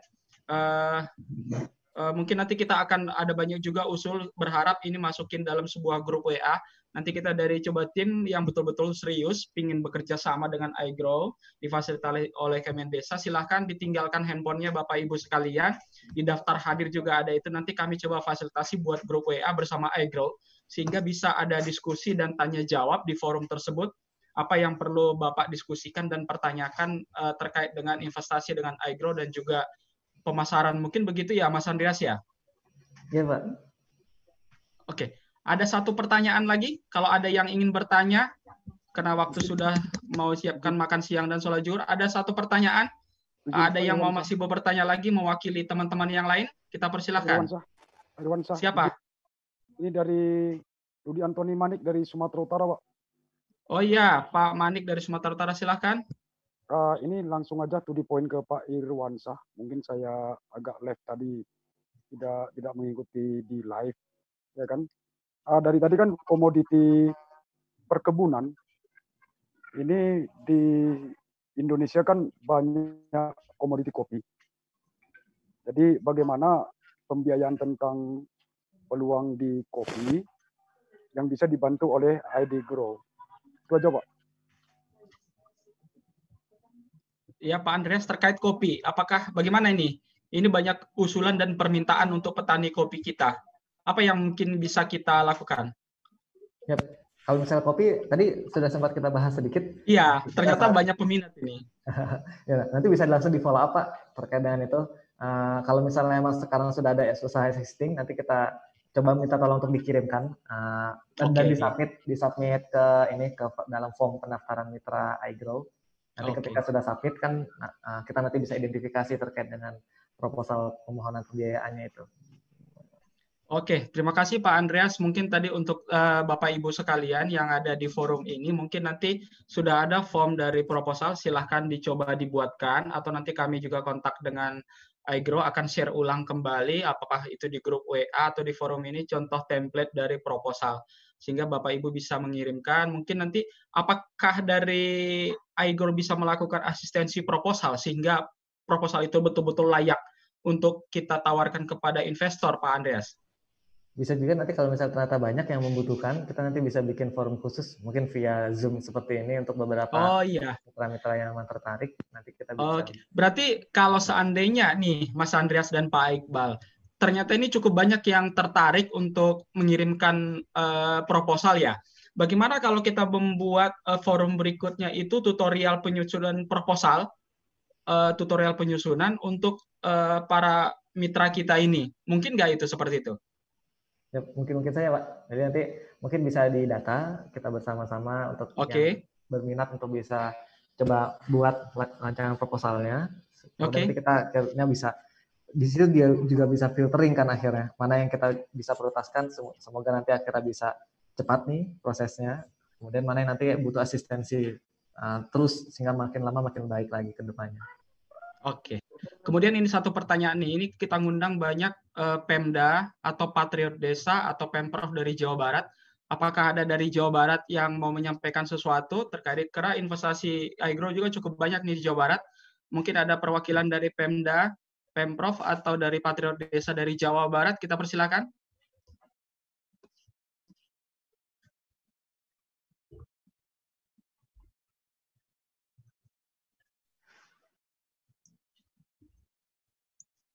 Mungkin tidak ada ya, mungkin lagi. Halo? Jika tidak ada mungkin lagi pola juhur mungkin atau makan siang. Uh, mungkin gitu dulu. Uh, mungkin sampai di sini dulu, Bapak Ibu sekalian ya Pak Andreas, uh, Pak Iqbal, uh, Pak Dirjen, uh, Bapak Ibu dari berbagai kementerian yang telah hadir dan juga Bapak Ibu dari Pemda. Uh, acara kita sudah berlangsung selama tiga jam kami mengucapkan terima kasih atas eh, partisipasi Bapak Ibu yang luar biasa ini. Ini adalah forum pertama kita mempertemukan antara startup iGrow terkait fintech dengan petani langsung. Eh, mudah-mudahan acara ini bermanfaat. Mungkin nanti selanjutnya kami persilahkan kepada Pak Bahar Tani, Pak Direktur Pengembangan Ekonomi Lokal untuk eh, melakukan closing terhadap acara kita, Pak Direktur. Waktu dan tempat kami persilahkan kepada Pak Direktur. Ya, terima kasih Pak Irwansyah. Terima kasih kepada teman-teman semua dari uh, pemerintah daerah, kementerian dan lembaga yang sudah hadir di forum kami. Ini adalah uh, upaya kami dari Kementerian Desa, PDT dan Transmigrasi untuk memperkenalkan uh, ekosistem financial teknologi sesuatu yang mungkin uh, kita semua uh, perlu mempelajari dan kalau kita melihat ini ada sisi uh, positifnya kita bisa uh, apa sampaikan ekosistem ini ke teman-teman uh, petani. Terus terang aja uh, target kami tidak hanya dalam konteks uh, sosialisasi tetapi kami sudah sampaikan di awal kami ingin ada beberapa uh, portofolio yang bisa tayang di uh, platform uh, iGrow. Nah, tentu tidak mudah untuk uh, menaikkan uh, portofolio yang bisa ditawarkan ke investor yang ada di platform uh, iGrow. Banyak hal yang harus kita siapkan. Kita harus mengkonsolidasikan uh, petani. Nah, peran-peran mengkonsolidasikan ini bisa per individu yang kemungkinan punya pengetahuan yang lebih, bisa dilakukan oleh badan usaha milik desa, bisa dilakukan oleh koperasi ataupun kelembagaan lainnya.